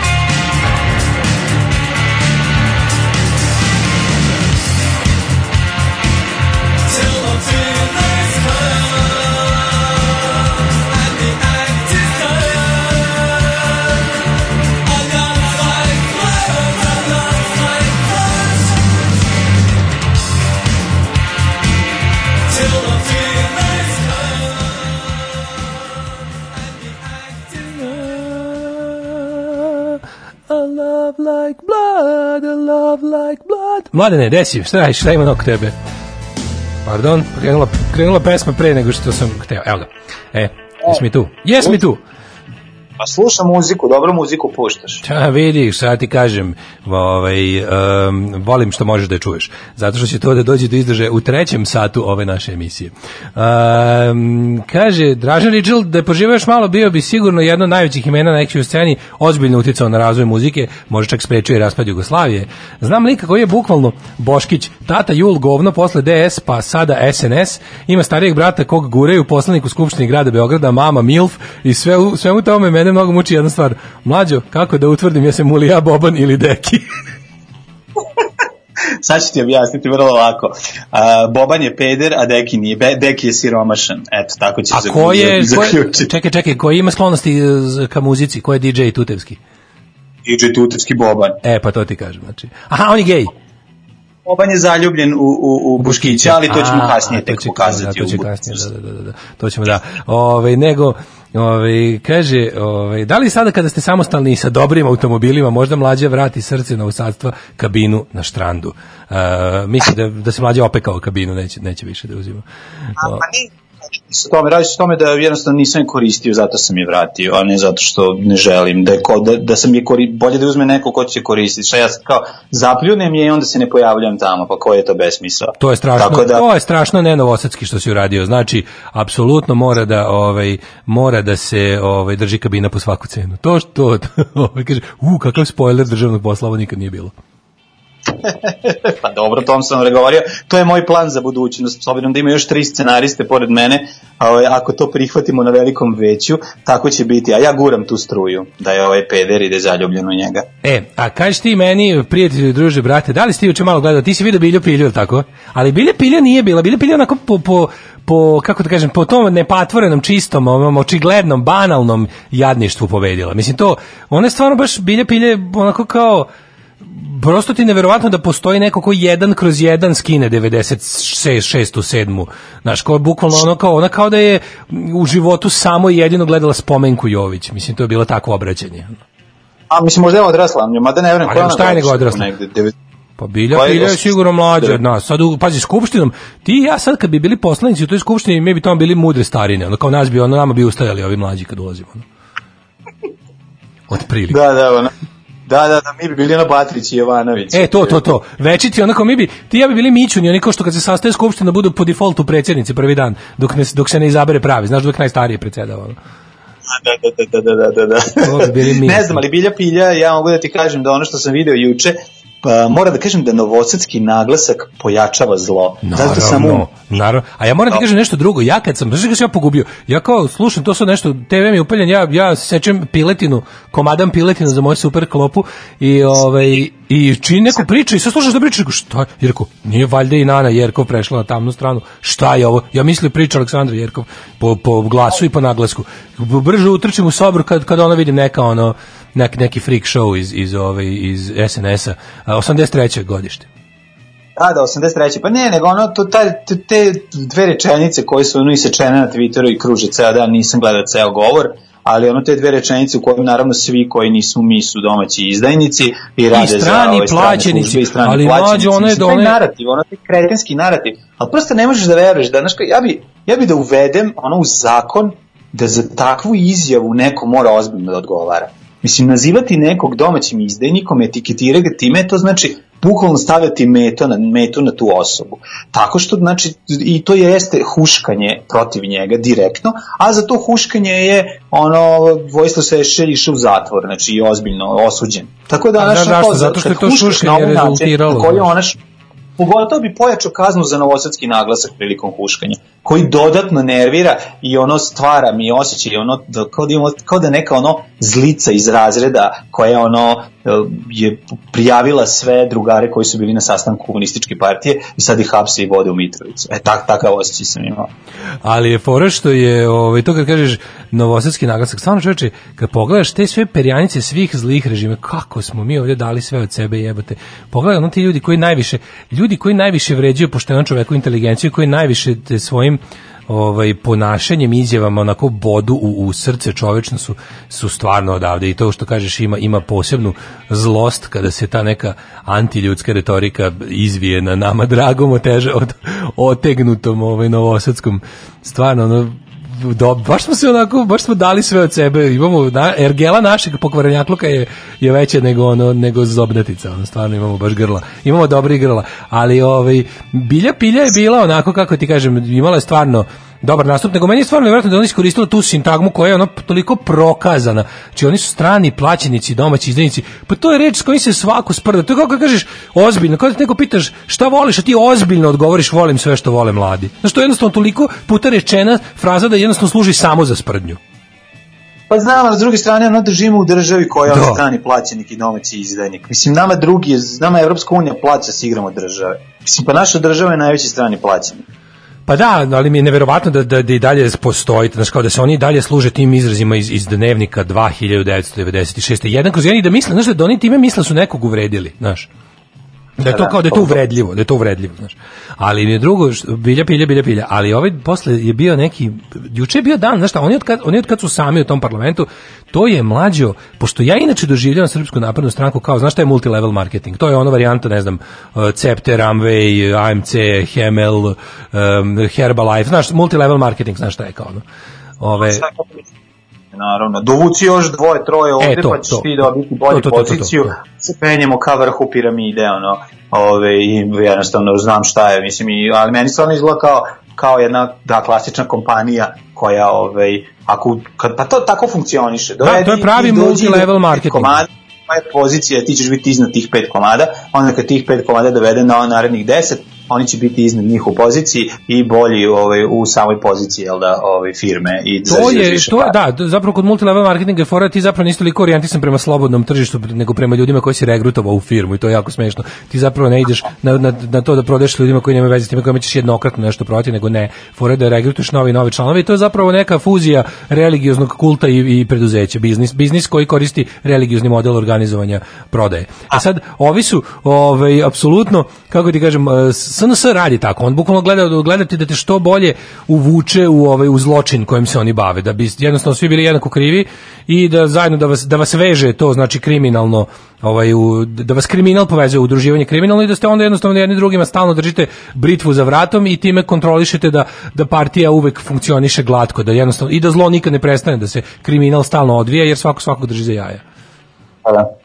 Ali je meni je bio jako interesantan ovaj mladi gospodin kog nisam ranije primetio koji je onako baš posebna klasa, to je to to je mladi ljigavac. To je čovjek koji bi lepo da je, to je znači vidiš ga to da je sad demokratska stranka na vlasti, taj bi bio demokratska stranci. Vrhunski prodavac Rainbow sisivača, on je mladi neki, ja bih rekao isto vojvođanin po naglasku, bih mi se čini, ali ovaj toliko je, on je mali, on je s bradom, on je, on je što ima, onaj, onako onaj, znaš, onaj čovjek glup ko kurac koji misli da je jako pametan. On onako, znaš, nije čak ni štreber, nije čak ni štreber, nego onaj kao, ima onaj malo neke, ima neke najosnovnije seljačke inteligencije, ali ono može samo isključivo jako glupog čoveka da prevari. I taj je onako, ono, onako kao Savi, znaš, Savi je onako kao zdravlje, sigurno ide, ide puno u teretanu, misli, misli da je jako veliki frajer, ima sigurno lepi Instagram. Taj kad je krenuo svoj ekspoze, svoj nitkovski ekspoze, to je bilo toliko bolno za slušanje, ono, kad je krenuo da nam priča te sve neke gluposti, da bi na kraju završio koji svi ostali, svi ostale priče, jer je tema bila da se sve što se priča tog dana u Skupštini završi sa i da li onda možemo da legnemo spokojni ako znamo reči čabe dera. Či čaba der je ono, jako, mislim, taj čovjek umru u zatvoru od štucanja, da da je štucao na dupe juče, koliko su ga spominjali, ono, ni za šta. Ne, ne, ne, to je, to je, to je jezivo, jezivo, jezivo je cijelo, a ne znam da se primetio da su sad pored Steke eh, Savić u narativu bacili sve koji su ustali i rekli nešto u odbranu, Pa da. a sad tako popularan napad na, na Bjelogrlića, to je sada ono novo, nova Steka Savić Bjelogrlić, znači to je prosto ne možeš da veruješ. Pa ne, ali Atlagić je kao neki džuboks govnarstva, razumeš? Ono kao uh, Vučić dođe ili ko već, ne znam, Đukanović, ko je tu već, ne znam, ko se, komu je ono handler, komu je dreser, razumeš, u SNS-u, uđe taj dan u skupštinu, ono kaže, otvori usta, ubacimo ono, razumeš, kovanicu od 20 dinara i kaže, daj mi danas seku sabljić. I onda on govnari po njoj i onda znaš onda kao kad prvo propadne žeton onda kao danas radiš Bjelogrlića. I onda ti vidiš da on, on nema ja mislim da on stvarno nema pojma ko je Dragan Bjelogrlić. Pa onom juče što je on pričao o njemu to je bilo tako napabirčeno, bukvalno tek kad su mu nabili 20 dinara u dupe je počeo da se informiše ko je Bjelogrlić, a bilo je kratko vreme do nastupa, pa nije baš dobro skontao. I onda je ono to toliko bilo smešno kad je on krenuo da blati Bjelogrlića, pa pa Bjeloprl, bre, bje, bje, bje, golopr, bje, prl, ne može da izgovori, bje polobrl, znaš, baš baš se onako mučio. I onda priča o njemu, vidiš da to nije, vidiš da to da to nije iskustveno, da je to nešto ono kao ono ono o Bjelogrliću znam jedino o, e, ono što sam čuo u prethodnim saopštenjima naše stranke u zadnjih koliko godina dana od kad ga aktivno napadamo. Ono. Pa naravno, ne, njegov posao je tu da, da, da priča, samo da vrti jednu istu priču, a to je kao, sedi u onaj voz za koje mesto ti je Nikola Kojo kao obezbedio. Mislim, to, to, to je jedan, jedan, jedan, jedan, te ista priča.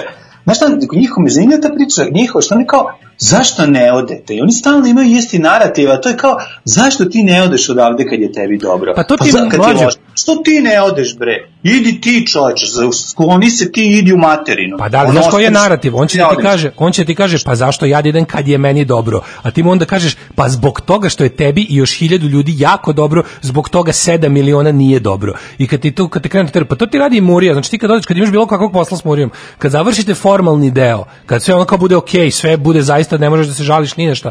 Kad izađeš napolje, kad te isprati ti onako i nezvanično kažu, što se ne oceliš odavde? Znaš kao, šta sad ono, kad više nema, kad je potpuno nezvanični vaš razgovor, kad su da, kad, kad čak niste više ni u pandurskoj stanici, ti svi onako drugarski te savjetuju. Aj, kao cel, šta kad ti ne valja, idi negdje u inostranstvo kao, razumeš? Mislim, oni bi to voleli, bi voleli da mi svi odemo koji talasamo. Razumeš?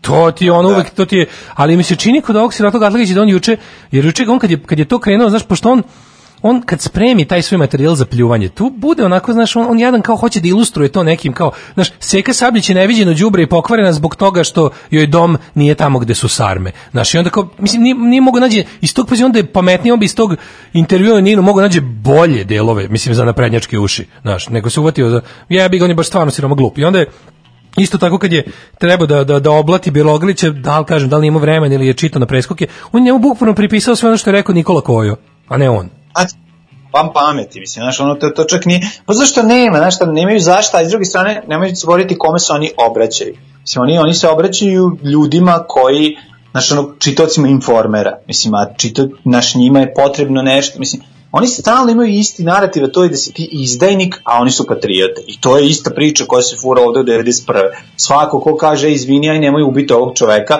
zato što se, ove, zato što se ne preziva kao ti, zato što se ne preziva na ić, ili zato što se krsti drugačije, ili čekaj, nemoj ga proterati. Uuu, evo ga, šta si ti, ono neki pravdoljubivi, sad ćeš da... I onda i kreće odmah utovar. I š- kako drugačije te napadnu, nego morate napadnu nekim kretinskim razlozima da te predstave da si izdajnik, ako ne budu mogli da te predstave da si bogataš koji se bahati na ovaj ili ovaj, onaj način. U svakom smislu trebalo bi da, ona, pošto imaš auto, ne znam, od 3000 evra, onda će da kažu, a vozi nov Audi ili nešto, razumiješ, i tako će da nastavi dalju priču, jer njima je cilj da, da tebe kao narod omrzne. Što mislim potpuno kretenski, jer Seku sigurno neće omrznuti narod, a Bogi neće ni Bjelogrlića. Mislim, naravno na da što neće. proizvodi. Pa ne. Zašto bi ga omrzli? Prvo je već bio popularan u mladosti, a nije ono za života uradio ništa da bi bio ove, omrznut i prokazan od strane čak i tog naroda kome se Atlagić obraća. Tako A da ti ovo su primećuješ- meni potpuno shvatljive, znaš, ne, ja ne znam što, šta oni misle da će ovima dobi, ovim dobiti.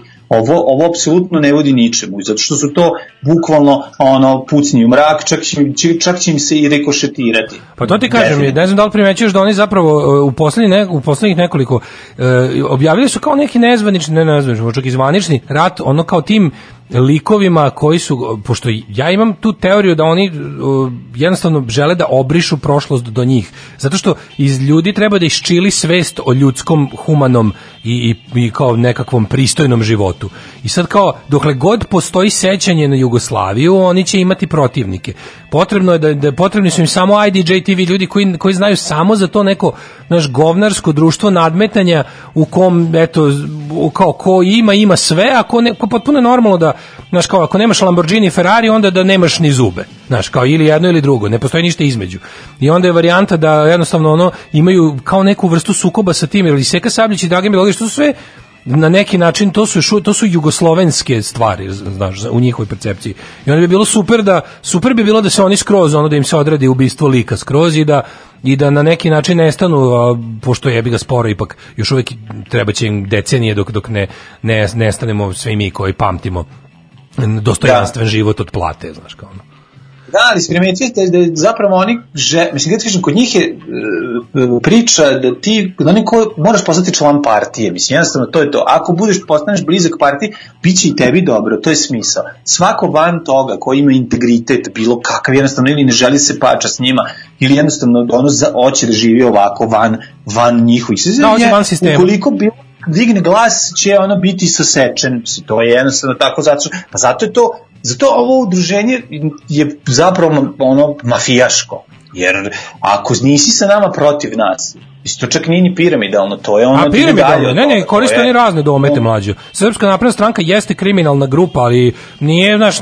nisu više obično ulična banda. Oni su, na primjer, ja bih to nazvao, recimo, oni su navijačka grupa organizovana u multilevel marketing šemu. Znači, to je bukvalno, po meni je to to. Navijačka grupa da se zna hirarhija i zna se to, ali koriste te MLM momente zato što to maksimizira njihov učinak unutar organizacije i povećava zapravo celu, mislim, to je jeste dobro za, za onog ko je na vrhu. Mislim, multilevel marketing kao i svaka piramidalna šema je jako dobra što se bliži vrhu piramide.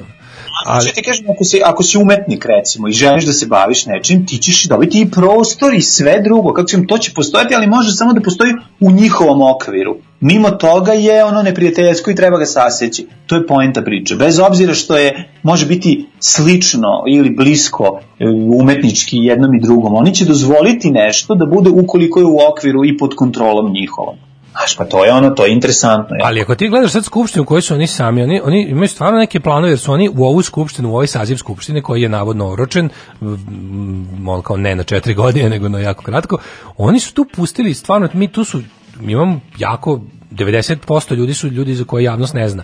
I to su bukvalno, to je ta ona neka, kako ti kažem, išla je neka, ja, ja, ja kapiram da, su to, da je to bila neka delegacija u sastavu onaj kako se zove Glišić, ona Marija Obradović, Suzi, Beba Popović, znači ono kao baš taj vrh, ono Himmler, ono Hess Gering, baš ta ekipa išla da odabere najgore đubre ljudsko koje imaju, znači najoportunističkije gadove, samoživce, samozaljubljene ljude bez trunke samokritike.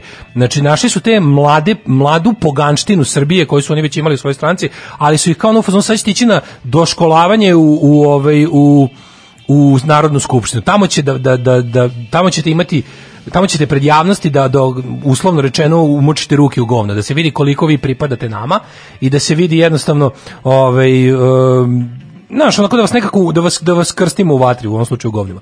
I da vas nekako, da, napred, da spremimo novu generaciju, ali mi planiramo ovdje da sedimo decenijama. I treba nam, znaš, kao taj, ti mladi prodavče, Rainbow sisivača, ti Biljo Piljo, ti, znači, treba nam nova garnači, kada izumru Atlagići, treba nam, jednostavno, trebaju nam, trebaju nam gadovi za sledeće pokolenje, znaš.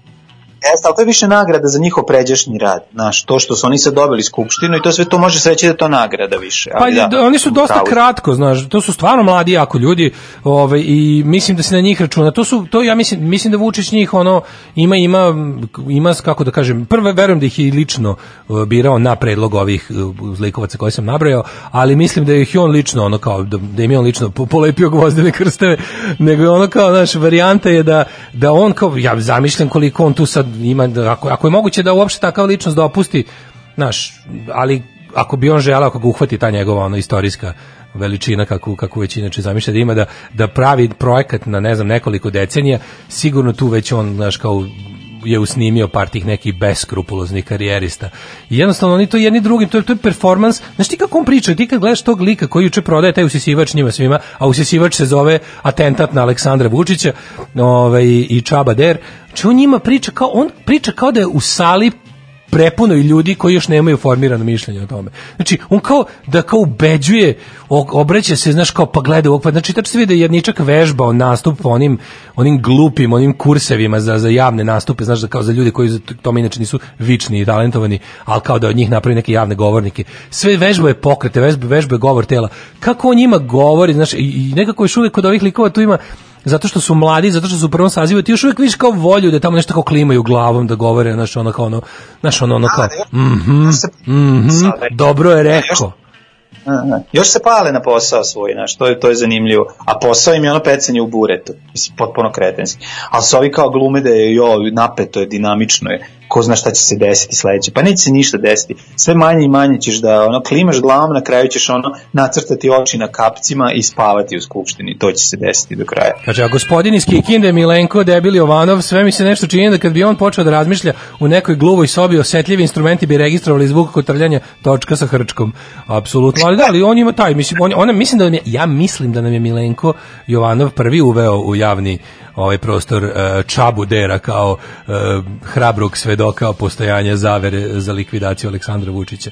Ali ti znači kao, i onda kada pogleda, ali kad najbolje kad ne može da se ovaj kad ne mogu da iskuliraju pa onda ovaj taj nisam zapamtio ime tom mladom prodavcu sisivača polovnih koji na kraju kaže ovaj i kada pogledate sasvim je jasno kolika je ta zavera da kažem tako koliko je to jedna moćna organizacija koja kao preti predsjedniku jer kada pogledate prepiske na Twitteru vidite da je nije izvesno s koliko će metaka u leđa Vučić završiti Ju, kakva, znači, ne te budalaština. S druge strane, da taj čovjek Twitter, dobio bolju poziciju na zatvoru da to ono izjavi. Pa ne, Verovatno ali, ali ne, ne, to je ovaj, to je ovaj mladi, on je gledao Twitter pa je to zaključio. Kao na Twitteru je otprilike ono open season, znaš.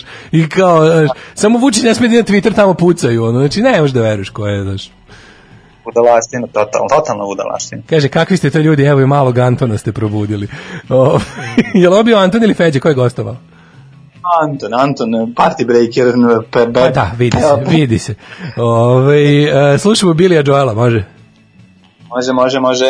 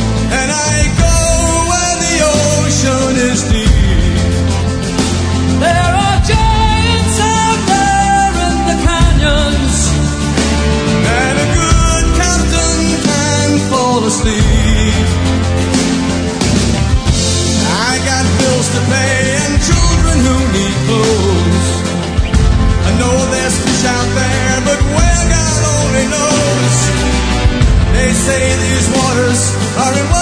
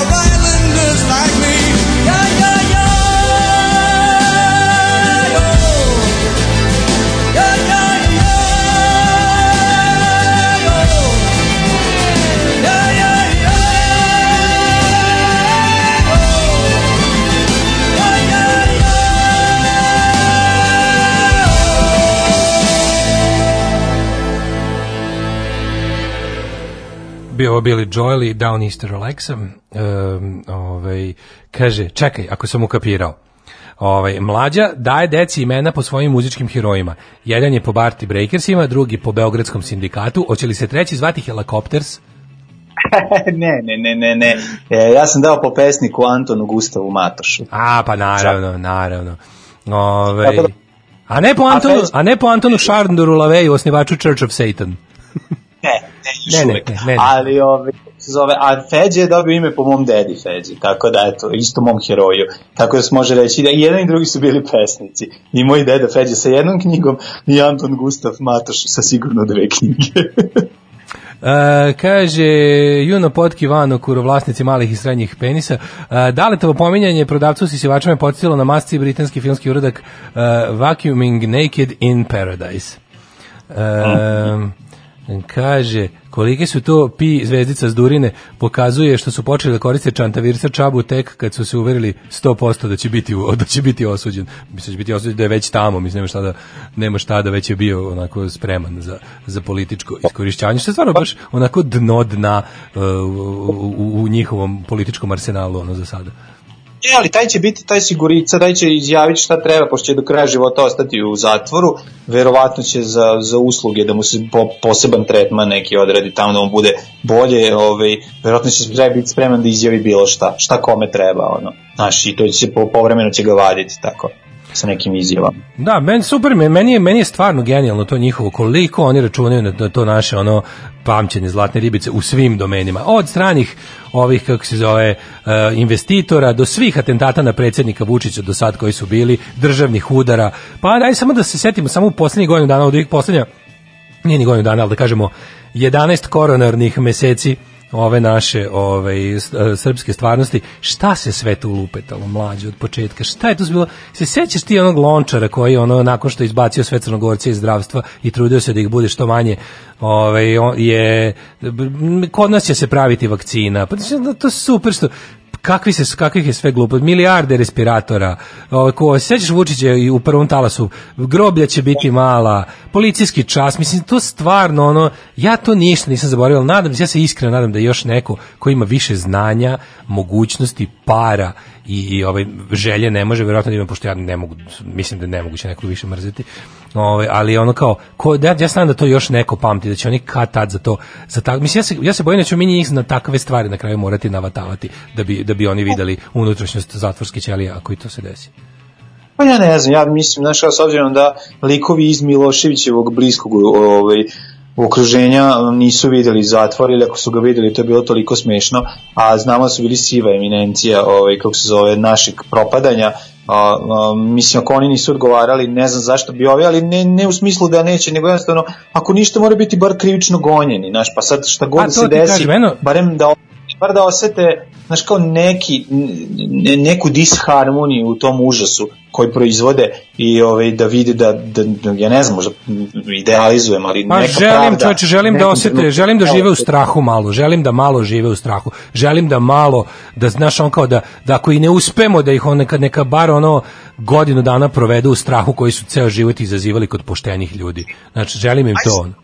Ajde se početak zagovorimo samo jednu stvar. Ajde se govorimo da bilja pilja ne pređe u sledeću partiju kada ova partija padne. Da, I da bilja, počne pilja, da- bilja pilja može da ima posao. Bilja pilja ne da, ono kao ona nije počinila ni jedno krivično delo. Ona može da ima posao, ne treba da za sada, ne treba da bude u zatvoru, ali kao ono ne, ne sme niko ne sme niko da traži partijsku knjižicu kad bude tela da radi na pumpi ili ono kao nemam pojma nešto. To je u redu, ali ali može ne sme da obavlja nikakvu javnu funkciju. Lustracija. Znači to je ono Tako je, tako mora neko da odgovara za nešto. Znaš, kao moraš da odgovaraš za to što radiš. Znaš, kao, kao što ono, neki ljudi jednostavno za to što ste rekli, morate da odgovarate zbog toga i toga, zato što je to bio govor mržnje, zato što ste Nije, ja, ja mislim da ona nije što- počinila krivično delo. Čini mi se da to što je, ja mislim, nije ništa za zatvor, znaš, kao nije ništa, mislim, pre, možda neki prekršaj, to sve, ali kao za sada. Mislim, naravno da će oni nju da guraju dalje u, u vatru odgovana, ali ono, i da će i naterati, mislim, oni moraju da budu svi jednako krivi da bi, da bi kao što sam ti rekao, funkcionisala banda.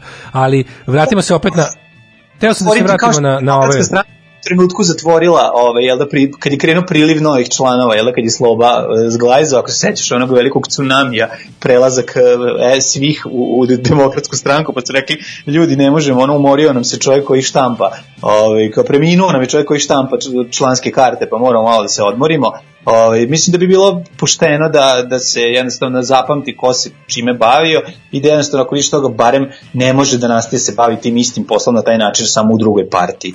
To bi Ali već bila da velika ti- stvar. Moram da ti kažem da si pogrešio, demokratska stranka je apsolutno primila sve, radi se o verovali ne demokratskoj stranci Srbije, ona je obustavila. Koštuničari su obustavili prijem, prijem novih članova, mislim bar formalno, a demokratska stranka je primila sve što je mogla i zato je tako i prošlo. Mislim prošla. Prošla je prvo super što se nafatirala para, a onda nas prepustila ovim najgorim ljudima u istoriji svemira. Nego vratimo se na našu korona stvarnost.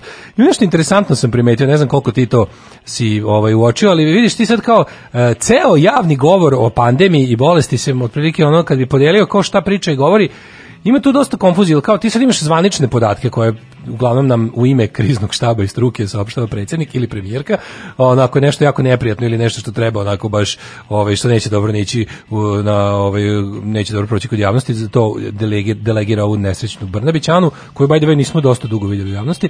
A ovaj e, ima to kao to se priča, to je ta kao furaju tu neku naučnu priču, ali ne naučnu do kraja da nam se nešto objasni iza i neće mislim kao to je u principu naučna priča, ali njene m, neće oni, oni će nam ispričati kako jeste, doći to doći dosta da zvuči onako potkrepljeno i dobro, ali neće postupiti ovaj u skladu sa time.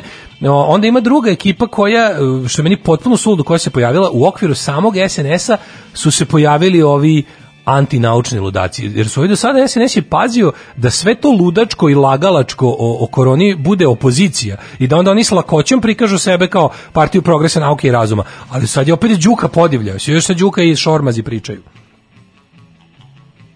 Da, da, da, da, da, pa primetio sam to. Mislim, Oni sad su opet ono, krenuli da udaraju, udaraju lupeta. mimo, znaš kao, kao bubnjar koji je pro, ono kao udaraju svoj ritam.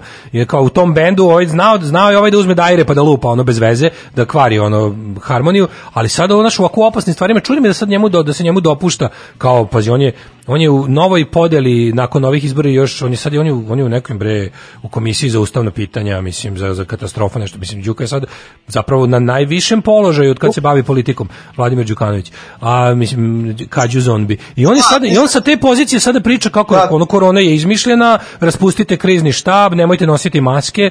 Na što je Pa reći. čudno. Što je on privatni garant, ono antivakser i ono ravnozemljaš. Jeste, jeste, on je pri- a on je 100%, privatno- On je Da, da, da, Mislim, da. ono, ono, naš sigurno toga, da toga stoji ono milion gluposti koje ono, mislim, ti, ti vidiš, taj čovjek je prvo neobavešten, drugo ne, ali ono, svoje ono, saznanja skuplja sa, sa različitih strana gde njemu odgovara. Mislim, ono, jedno, jedno potpuno antinaučno mišljenje, ono vezano za, za, za sva dešavanja u životu, to, to on je uvijek to predstavljao, to se nije razlikovalo, znaš, ono, počeo od lupetanja o istoriji Srbije i o tome da ono da, da će doći od toga da su Srbi Arijevci koji ono drže ravnu ploču u zemlju da ne padne i svi ostali narodi će popadati i stradati ako se Srbi odluče da pusti tu ravnu ne, ploču. on je mlađi- Mislim, znaš, ono, znaš, to, to, to znaš da kod njega to postoji i da to privatno tako, on je sve vrijeme obuzdavan da to ne radi. Pa da, bi ga da. puštali po potrebi kad treba da se Pa da, to mi je ovaj, čudno, znaš, koja je sad korist, koja je politička korist od toga da imaš takvu budalu u svojim redovima? Znači, on jeste zadužen za terorisanje, on, on je zadužen za uličarstvo u SNS-u i sad ti znaš da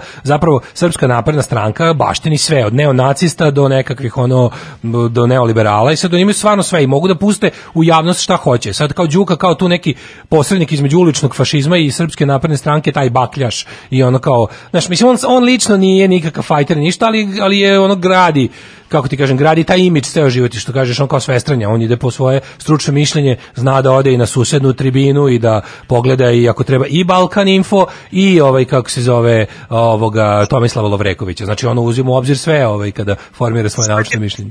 Pa on će u budućnosti imati takvu neku emisiju svoju koju će da tako On je ima ispit. mlade, ne si lud, pa on je ima. On je najpoznat kafa sa Đukom na, na Koperniku ste. Sad ne znam da li trenutno još uvijek radi tu emisiju, ali on je, pot, on je tako preko Radio Fokus, on je bio vedeta Radio Fokusa, kasnije kafa sa Đukom. Mislim, on je bio taj on je taj ekstremno desni element u srpskoj naprednoj stranci, samo me čudi čudi me da mu se daje ono kao znaš, šta ja ne znam šta srpska napredna stranka ima od toga. Kad su taman lepo i prilično uspešno uspeli da nam pokažu da su lažovi o, o stvari, da su ti ravnozemljaši, antivakseri, antimaskeri, um, covid ne postoji, ostale budale, da su oni stvarno bili uspešno smešteni na desniji od Vučića opoziciju, Nogo, Dveri, um, onaj, kako zove ovaj zludak što ga sad vade, ovaj, Mlađan Đorđević, um, Balternativa, znaš, to su sve te tako zajedno 5% kad se svi sakupe, ali to je taj kao srpski nacizam 21. veka, znaš, tu, su ih lepo pozicionirali. I sada to opet, opet da dopuštaju svoje stranci je čudno.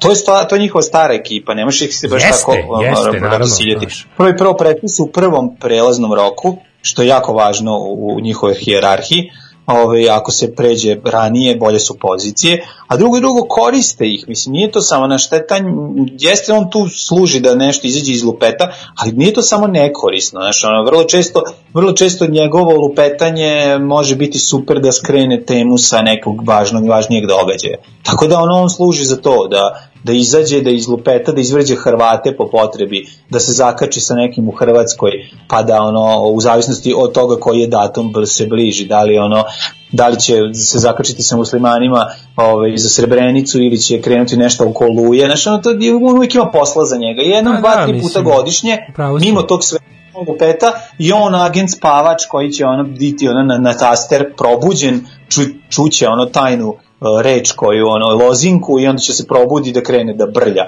i da priča gluposti i da ima eto naslovnu stranu u informeru. Više Što je iskreno moguće, kupovanje- Znaš šta je moguće da oni njemu stvari na neki način mu već kao ono, kad već tako koristi kad im treba da obavite prve posle, da mu malo daju i da iskreno da sebi malo oduška. Znaš da se pohvali kako je kako je ovaj terorisao Jehovine svedoke na ulici. Tako da mislim nešto za šta bi realno trebao da da bude u policiji, ovaj uh, on on to baš može da može da do, dozvole mu pošto on kandidat za muškarca, znaš. I onda mu malo dozvole da malo bude malo da da bude navijačka grupa čovek, znaš to.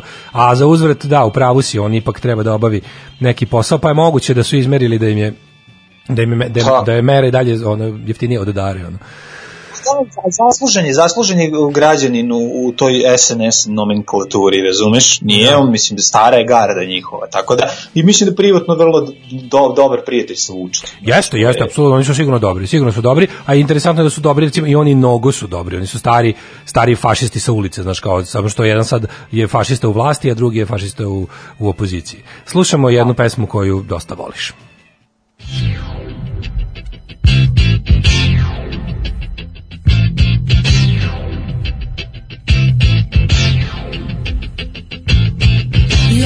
osjećam te dok dan se budi Dok pršte ptice i dok zvona zvone. Zbog tebe ne znam ni da li postoje ljudi I sve što volim da li s tobom tone. Oh, oh, osjećam to.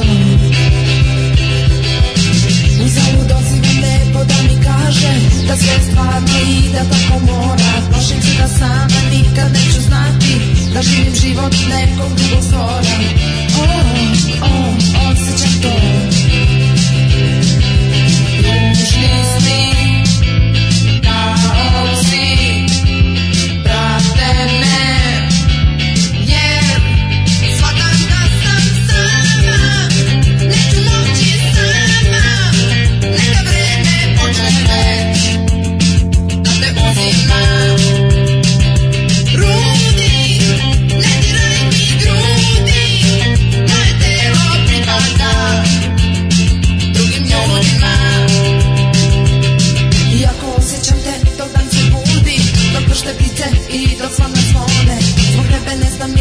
postoje ljudi I sve što volim da li s tobom tone?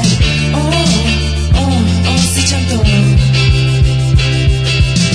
Uzalud dozivam nebo da mi kaže Da sve je stvarno i da tako mora. Plašim se da sama nikad neću znati Da li živim život nekog drugog stvora.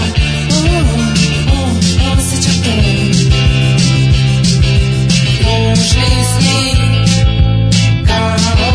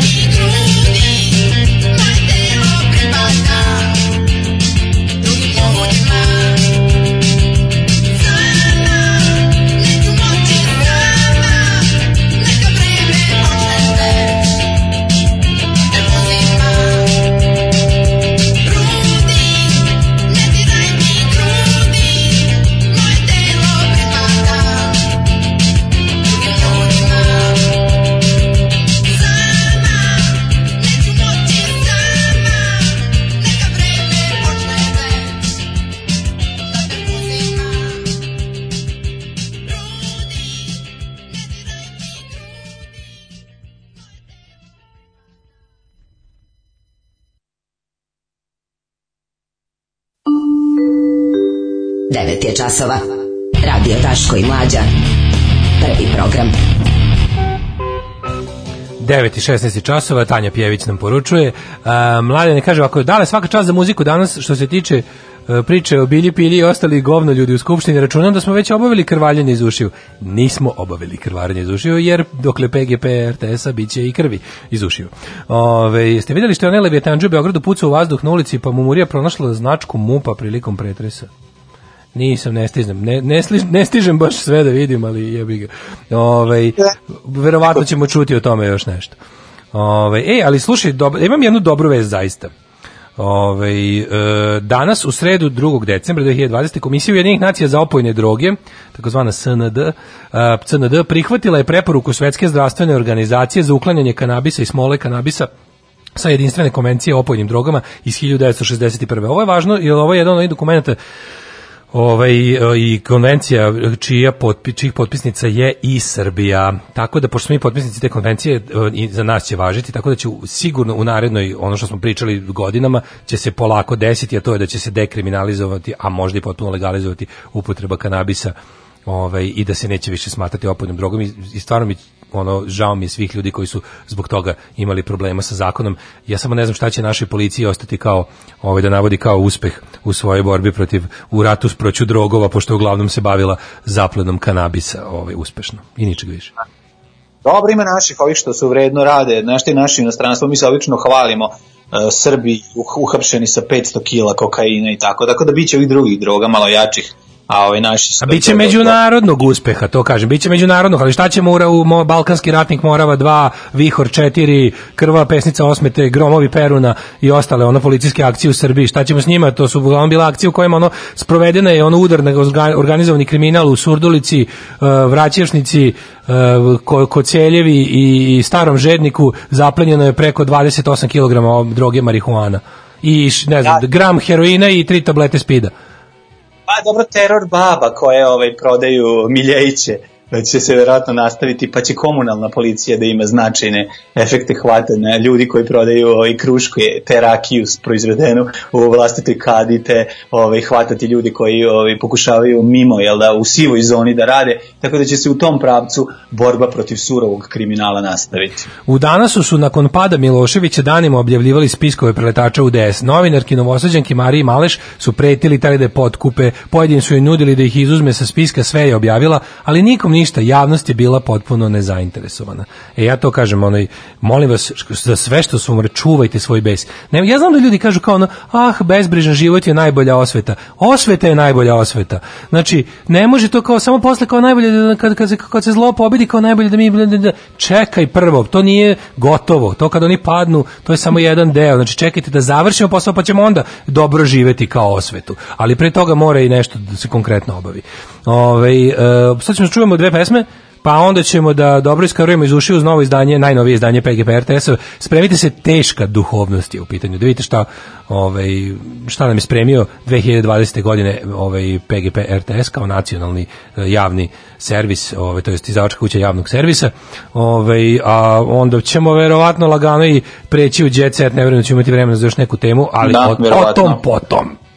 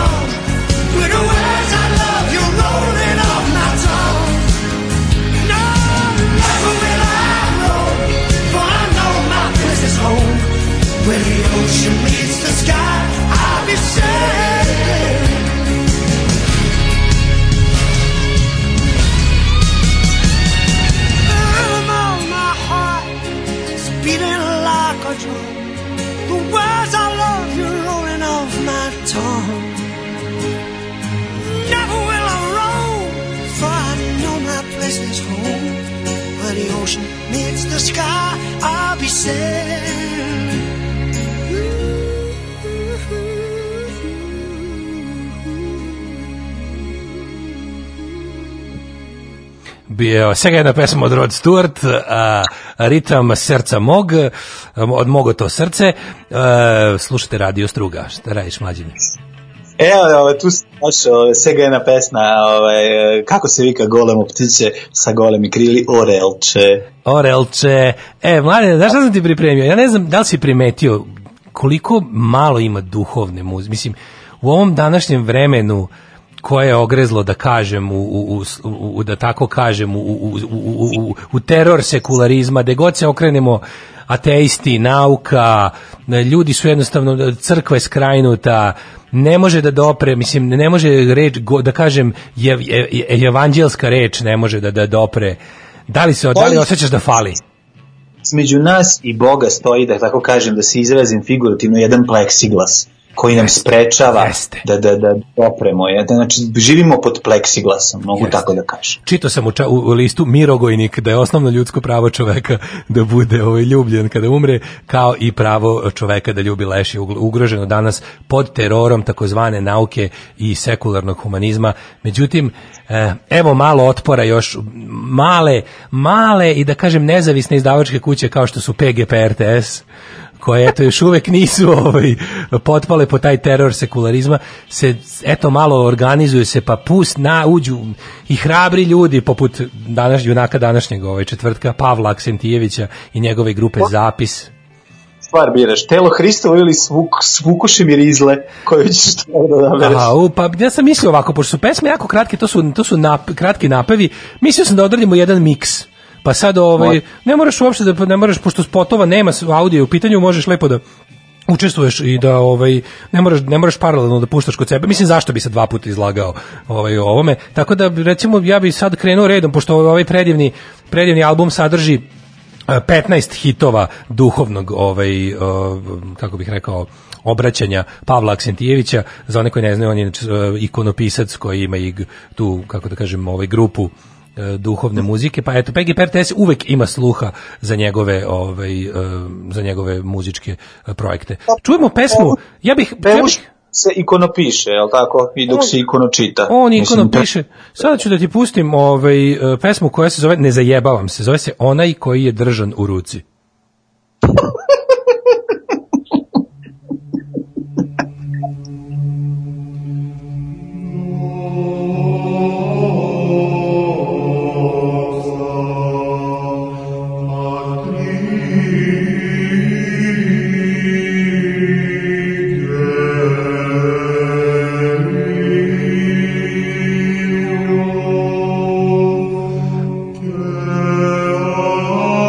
Meni je toliko žao što sad ne krene neki black metal preko ovoga, naravno da neće.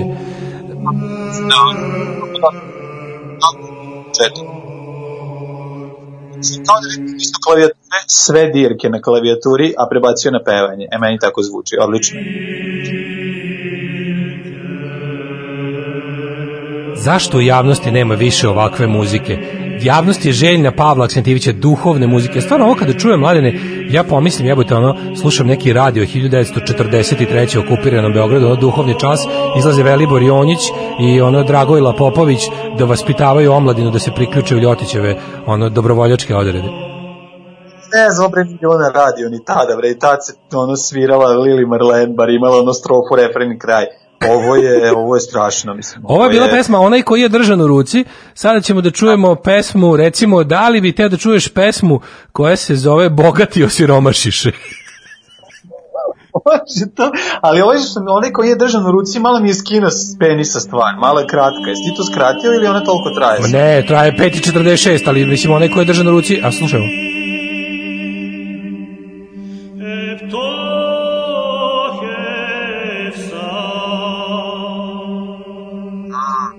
Izvini, ali imaš možda pesmu Slepi prohodaše? A, ima gluvi prohodaše, slepi progovoriše, ne znam da li znaš što to je dobro.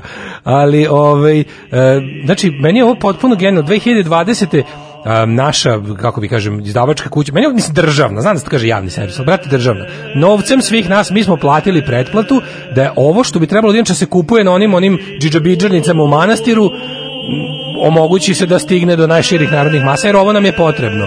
Ovo je znači hit Bogati osiromašiše, remix 2020. verzija.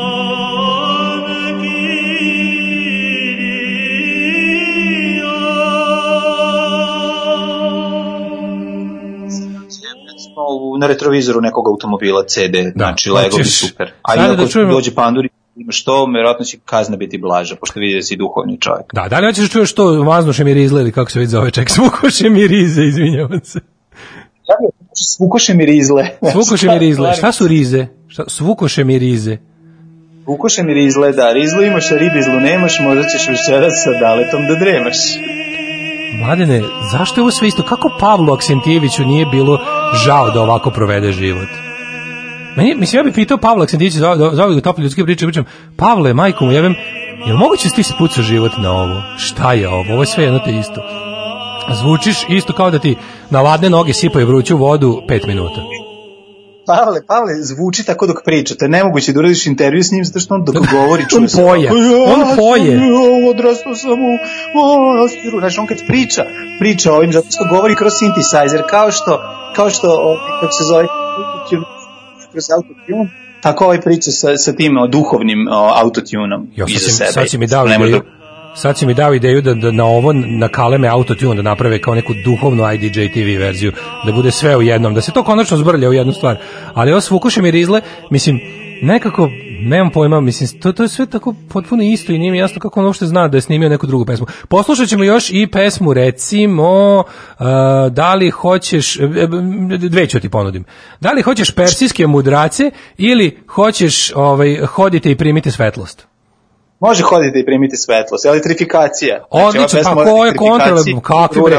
Ne, ovo je pesma u slavu ono prelaska sa električne energije na sveću. pa kaže, ajde, za, za zakuvat će se sigurno. Sigurno. A, Evo isto, opet isto.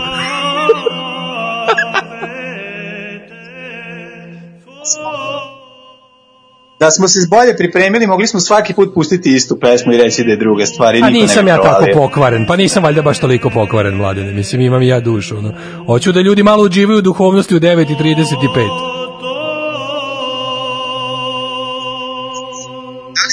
se plašiš čoveka koji ode i namenski kupi ovaj CD i ima ga u kolekciji CD-ova Pavle Aksentijevića? Ja da ovo vidim kod nekog isto bi mu iz kuće odmah, makar došao da mu čitam strujomer samo. Znači, mene ovo jezivo plaši. Sad ljudi će reći da to je zato što si satana, ali mislim, stvarno kao 2020. U redu kao znati da ovo postoji, ili onako kao u okviru nekog kako da kažem, tematskog festivala očuvanja tradicije. Ali Pavle, čovječe, ja, sam, ja sam gledao Pavleta nekoliko puta kad gostuje po tim, ono, mislim, to je muzika za jutarnje programe i za kasno uveče za drugi kanal RTS-a, ali on se razlije, brate Mili, zna da zavrebi u nedeljom popodnevu, zna onako, mislim, tačno može da zamisliš te ljude, te slavare i te visoko plafonci koji ono na silu proglase ovo za, za super. Mislim, ovo, kon- ovo može što je najgore, ja ovo mogu da zamislim i kao muziku za ispod, kad kreće ona tabela sa glasanjem na utisku nedelje. pa to je osnovni naš problem. Pa da. To je os- osnovni naš problem. Nedostaje nam, pa ne može, znači jednostavno a, sekularizam je probio sve sfere društva i crkva i preostaju samo ovakvi borci, Jeste, ovaj, da, borci za stvaranje muzike koja će biti um, koja će biti potpora za neki ono intermeco. Ovo jeste sad novi intermeco naš u Srbiji. Mislim, naš, sad da nije bilo ono tan tan ta ta ta ta ta ta ta tan tan ta ta ta ta ta ta ta tan To je, ja tan, mislim, tan, ta, tan, mislim da, je to, da, to je Richard Kleiderman, Richard Kleiderman se taj zove. To je bio, to je bio Richard Kleiderman, a sad ima Pavla Aksentijevića. jebi ga, ono. Aksentijević nam je sad Klajderman, znaš, šta god da se dešava, ako naš, ja kontam i da u brojkama i slovama, to jest našoj ovoj slagalici muzičkoj sad dok ono, dok sprevaju brojeve ide ova muzika, ono, znaš. Da, da, da, treba, ja treba to svugde uvesti. Za bilo koji, kad zoveš taksi pa dok čekaš da ne ide ono žaoka, nego da ide ovo. Znači, treba uvesti kao u liftovima, treba u supermarkete. Mislim, nemoj da im dajemo ideje, zato što je to sledeći korak. Ne, to bi trebalo da bude u pokvarenom liftu. Lift koji ne ide nigde, koji stoji za, zakucan u vremenu i prostoru, treba da bude Pavle Aksentijević, ono, soundtrack, to bi baš bilo dobra fora. Pa znam taj lift, zove se država Srbija. za sirotinju celog sveta.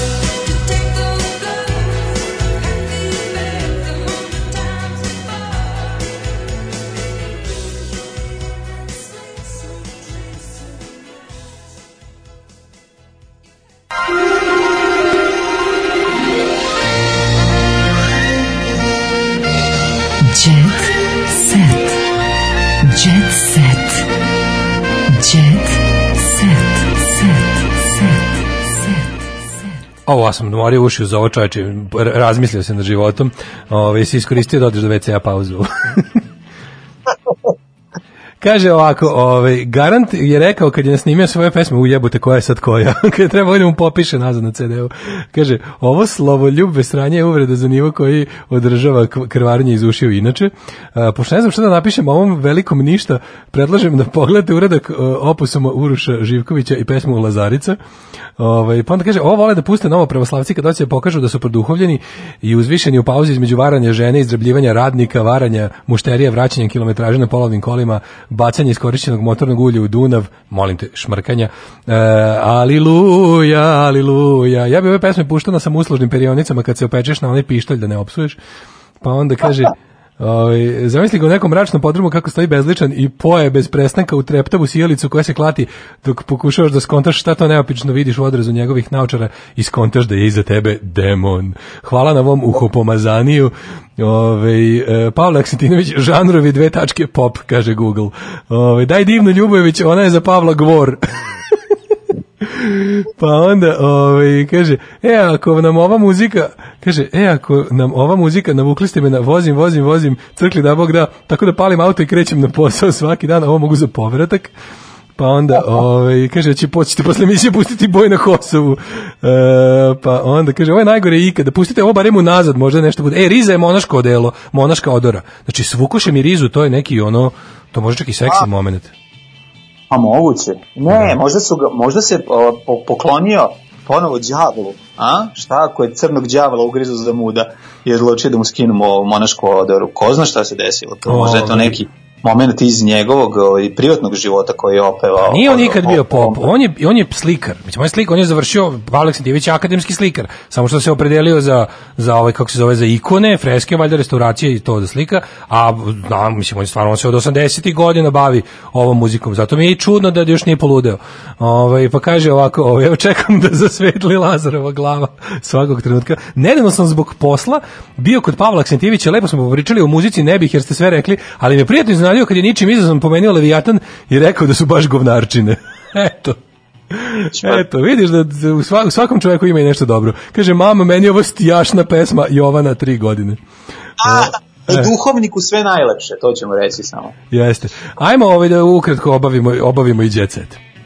Jet set je jako prvi. važan. Ti znaš da um, naša um, estrada grca sad zbog korone, nema ovih tezgi, nema velikih proslava, slavlja na trgovima gde bi se obično uzela veća šuška, ozbiljnija, i što se tiče strane izvođača, a i što se tiče strane organizatora, i da tu prilično, priličan čejber i ti si čuo nekoliko pokliča, te kao troškovi su nam veliki, umiremo, te ono kao, kako vi ne znate koliko košta čistač bazena u svakom periodu, vi ne znate koliko ja dnevno moram da platim to, to, to i to šminkanje 50 evra u svaki dan sam u minusu i slično. Iako im je teško, a para ne, a para nema, nema ne, i sve to Đaniju se baš sad desilo da postane deda. Au, to jebem ti. A sad Pa treba da. da štipik, da izvrne buđelar, a ovaj, kažu unutra praznina Leptirić, velika. unutra šta će deda ponosni pokloniti unuku kad ga uvede u kuću, a tek pesmu koju mu je namenio, a majko, ovo je baš grba Ovo teško, baš grba deda teško. mu napisao pesmu, pa to je, Da. to je najgore zlo. Znači ti neko, kao nisam imao para pa sam ti napisao pesmu. Pa dobro, onda dođi na rođendan, be, ne mora ni pesma. Bolje. Samo dođi. Da. Donesi mi lepu knjigu od prošle godine koju ti neko poklonio, ko svi normalni ljudi. Nema mi pesmu svoju. Zato je važno ne potpisivati, ne, ne, ne, knjig, prva strana knjige mora biti čista. Tako je. Nemojte kao ja ti poklanjam ovu knjigu, jer nikad ne znate da će on tu knjigu morati da prosledi dalje, pa će onda cepati taj prvi list da se ne vidi i to nastaje haos i onda se vidi kada ocepiš. Kako god da ocepiš stručno, uvijek se vidi da fali jedna strana. Uvek se desi, uvek se desi situacija, desi se situacija dragom Joci za 12. rođendan, a strana iza kasnije kad ide dođe naslov piše dragom Nemanji za 11. rođendan. Tako da ovaj to je strašno kad se desi. Jeste. Sin Đanija i Slađe Trajković, Miloš Trajković, sa suprugom Ninom dobio je sina Nikolu, te danas u pratnji roditelja došao po nju u porodilište. Folker je, Folker je za vreme, sve vreme sedeo u automobilu dok je njegov sin sa majkom Slađem ušao u porodilište noseći u rukama ogroman buket cveća. Dakle, ovaj sad tekst ništa ne govori, to je jedan tekst Naravno. dolazi da pokupi dijete i majku. I ovaj, ali naravno čuo se čuveni hit rodio se sin mali, Mali gospodin, naravno. Se seća, znači koliko mrzim tu stvar. Ono, rodio se, rodila se čerka mala gospođa. Jel ima i ta verzija? Rodila se ćerka mala Da, ne, Kad ne, rodila se čerka što nije sin. Tako Rodila se ćerka u pičku materinu, ono kud je morala, ono. Rodio se sin, sve u redu, dobro. Rodila se ćerka, jebi ga, ajmo ponovo. Bacaj ovu kantu i da pravimo ponovo. Ove, ja imam jako dobar naslov. Poznato, slušaj, ovo je najbolji naslov možda, mislim, Jet Set ima uvek pobednika nedelje, ovo bi to bio ove nedelje, ne verujem da će biti bolji naslov. Poznata Srpkinja završila fakultet. A, dosta jako. Evo sada ću da ti kažem. Ko je poznata Srpkinja? Znaš ko je poznata Srpkinja? Miona, Miona Marković. Miona Marković, ne Da, znam ko je to. Miona Marković, poznata Srpkinja. Pa vjerojatno kada na Wikipediju piše Miona Marković, no, no rođena tada poznata Podelila je sa svima da je završila fakultet, a zatim su na društvenim mrežama pljuštale poruke podrške porodici prijatelja. Završih, indeks je zapečaćen posljednjim ispitom. Najlepši si bre FDU.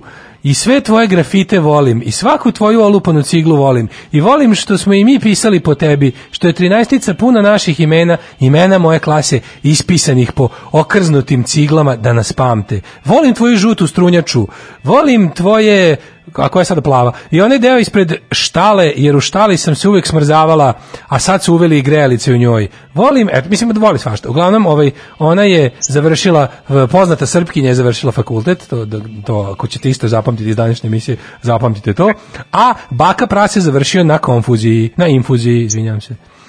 FDU završila, nisam čuo, šta je završila? FDU, da, da, da, si da, rekao? da, da. FDU, FDU. Pa poznata srpkinja, znaš, da, mislim, fakultet koji ti garantuje kakvu takvu poznatost je FDU. Ovaj, ili Megatrend, ili Megatrend. Ali, ovaj, Baka Pras je završio na infuziji.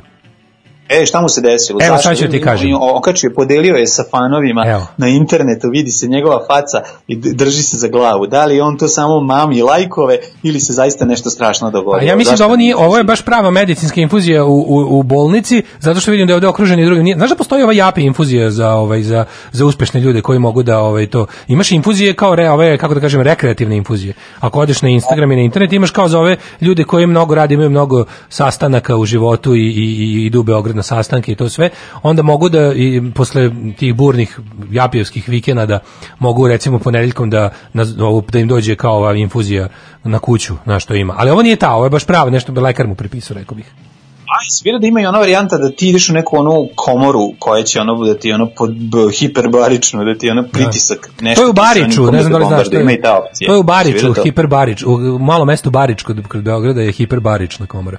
Ovaj e, Bogdan Ilić, poznati kao braka prase, e, e, kaže, on je za sad nije te da otkriva o kom zdravstvenom problemu se radi, ali je pesma koju je najavio će zbog toga kasniti. Eto, to da znaš. A, kad smo već kod e, iritantnih debila, Čekaj, Daško, otkud pesma? Pa zar ni, on je pe, če, čekaj, on, je li umetnik, ima hit neki? Pa kako si propustio celu njegovu? On je od kad više nije youtuber, od kad je on zglajzao, on je, ali već pre toga je počeo da snima rap pesme, ono u fazonu trap pesme. Ono kao, ja imam para, a vi nemate, gle, jebo sam sinoć. Na, mislim, te pesme je počeo snima. Jel tovari, brate, jel tovari? Tovar, sa kako tovari, samo tovari. Znači, tovar, on tovar, matri, samo tovari. Znaš kako tovari, on tovar, matri, samo tovar. Ono tovar. Eto. Ove, Ovaj. A kad smo već kod iritantnih debila, ovako Veljko uživa sa svastikom i šijanom. Molim vas, kad kliknem da ne bude kukasti krst tetovaže. A nije, svastika je ipak ovaj Bojana, dobro je. Dobro je. Sa svastikom istetovirao kukaču. A ko zna, jebi ga bilo, ne znam, više nisam siguran kod, kod debila, kad se radi o debilima, ono, znaš, on kao, kako uživa sa svastikom, ono, gledam kako mu tetoviraju kukaču na čelo, otkud znam, ono. Bojana Rodić je svastika Veljka Režnatovića, znači radi se o Bojani. To je ovaj, druga lepa pilićareva kći, koja je eh, cura od ovog eh, sina uh, Palog Krimosa. Znam, oni bre što su popularni kad su otišli na letovanje pa im ustaju, daju im ligište. Da, da, da, od ono, Boce, od Boce da, da. Gožinovske ovaj sin, ja mislim da je. Ovaj, okupili su se, slušaj zezanje, slušaj ovo zezanje. Jo bože što, ovo je dosta ovako nekako, opet moram da budem grozan mlađo. Ali, Ona će biti ona će biti Lidija Veličković u suštini, je li tako? da, da, da, on, ona je viđena za Lidiju. Ovaj, pošto je ova Bogdana je viđena za, za Cecu. Ali moram da kažem da ovaj, sad na, ovom- u ovom kadru koji vidim, u ovoj, u ovoj gajbi gde, pre- pretpostavljam renta, mladi Šijan, dosta, dosta onako baš Mladene, naši stanovi su mnogo lepši, moram da ti kažem, mislim. Naši to je ono što smo pričali, a, da imaš jedan jet set, vrhovni jet set imaš ove koji su dosta socijalni, koji su dosta socijalni, znaš, ti, ta, ta, ta verzija, ovaj, jednostavno, nema ono između, ima jako puno para i džiberluka i onda imaš bukvalno para, prazan hod i onda ide ovaj, kako se zove, ture neki kao jet set, ali taj jet set vrlo lako može i da zglazni i da pobegne, znaš, Da. na, u niž, na niže grane. Tako da nisu oni puno, um, nisu ti stanovi nešto, ne Teško je, izgledaju znaš, puno bolje nego naši. Teško mi je kad vidim, teško mi je kad vidim baš tako jako izdrndan ugaonu garnituru koja stvarno izgleda kao da tu iz 80-ih i ove neki milje zavesu na i drvenario ispucalo koje bi trebalo da se prelakira. Mislim teško mi je jer ako je, ako je kriminalcima i njihove deci tako teško čemu mi da se nadamo, znaš. Zašto njegov stan izgleda tako. Zato što je on za vreme korone nije mogao da ide u teretanu, pa je onda vežbao tank po oragasto. I Moguće. zato je gruvao nogom, naš udarao je stalno nogom u ragasto i zato tako izgleda. Pa malo krevet, pa malo koga je dohvatio i tako. Znači mora da ostane u formi. Zato stan izgleda tako jer je bio i teretana za Pa sve da, a nije ostao, nije još uvijek mogao da ostane u formi ideale, nego samo ovo još uvijek je tu šipad i, i rekao bih ovaj, lesnina iz 80-ih. E, mlađo, ja bih ovim završio današnju emisiju, sutra je hvala Bogu, hvala Pavlu Aksentijeviću, sutra je petak, pa ovaj, čujemo se sutra. Mo, a? Važi, čao, čao. Ćao! Tekst čitali Mladin Urdarević i Daško Milinović. Ton majstor Richard Merc. Realizacija Slavko Tatić. Urednik programa za mlade Donka Špiček. Alarms svakog radnog jutra od 7 do 10. You touch my tra-la-la.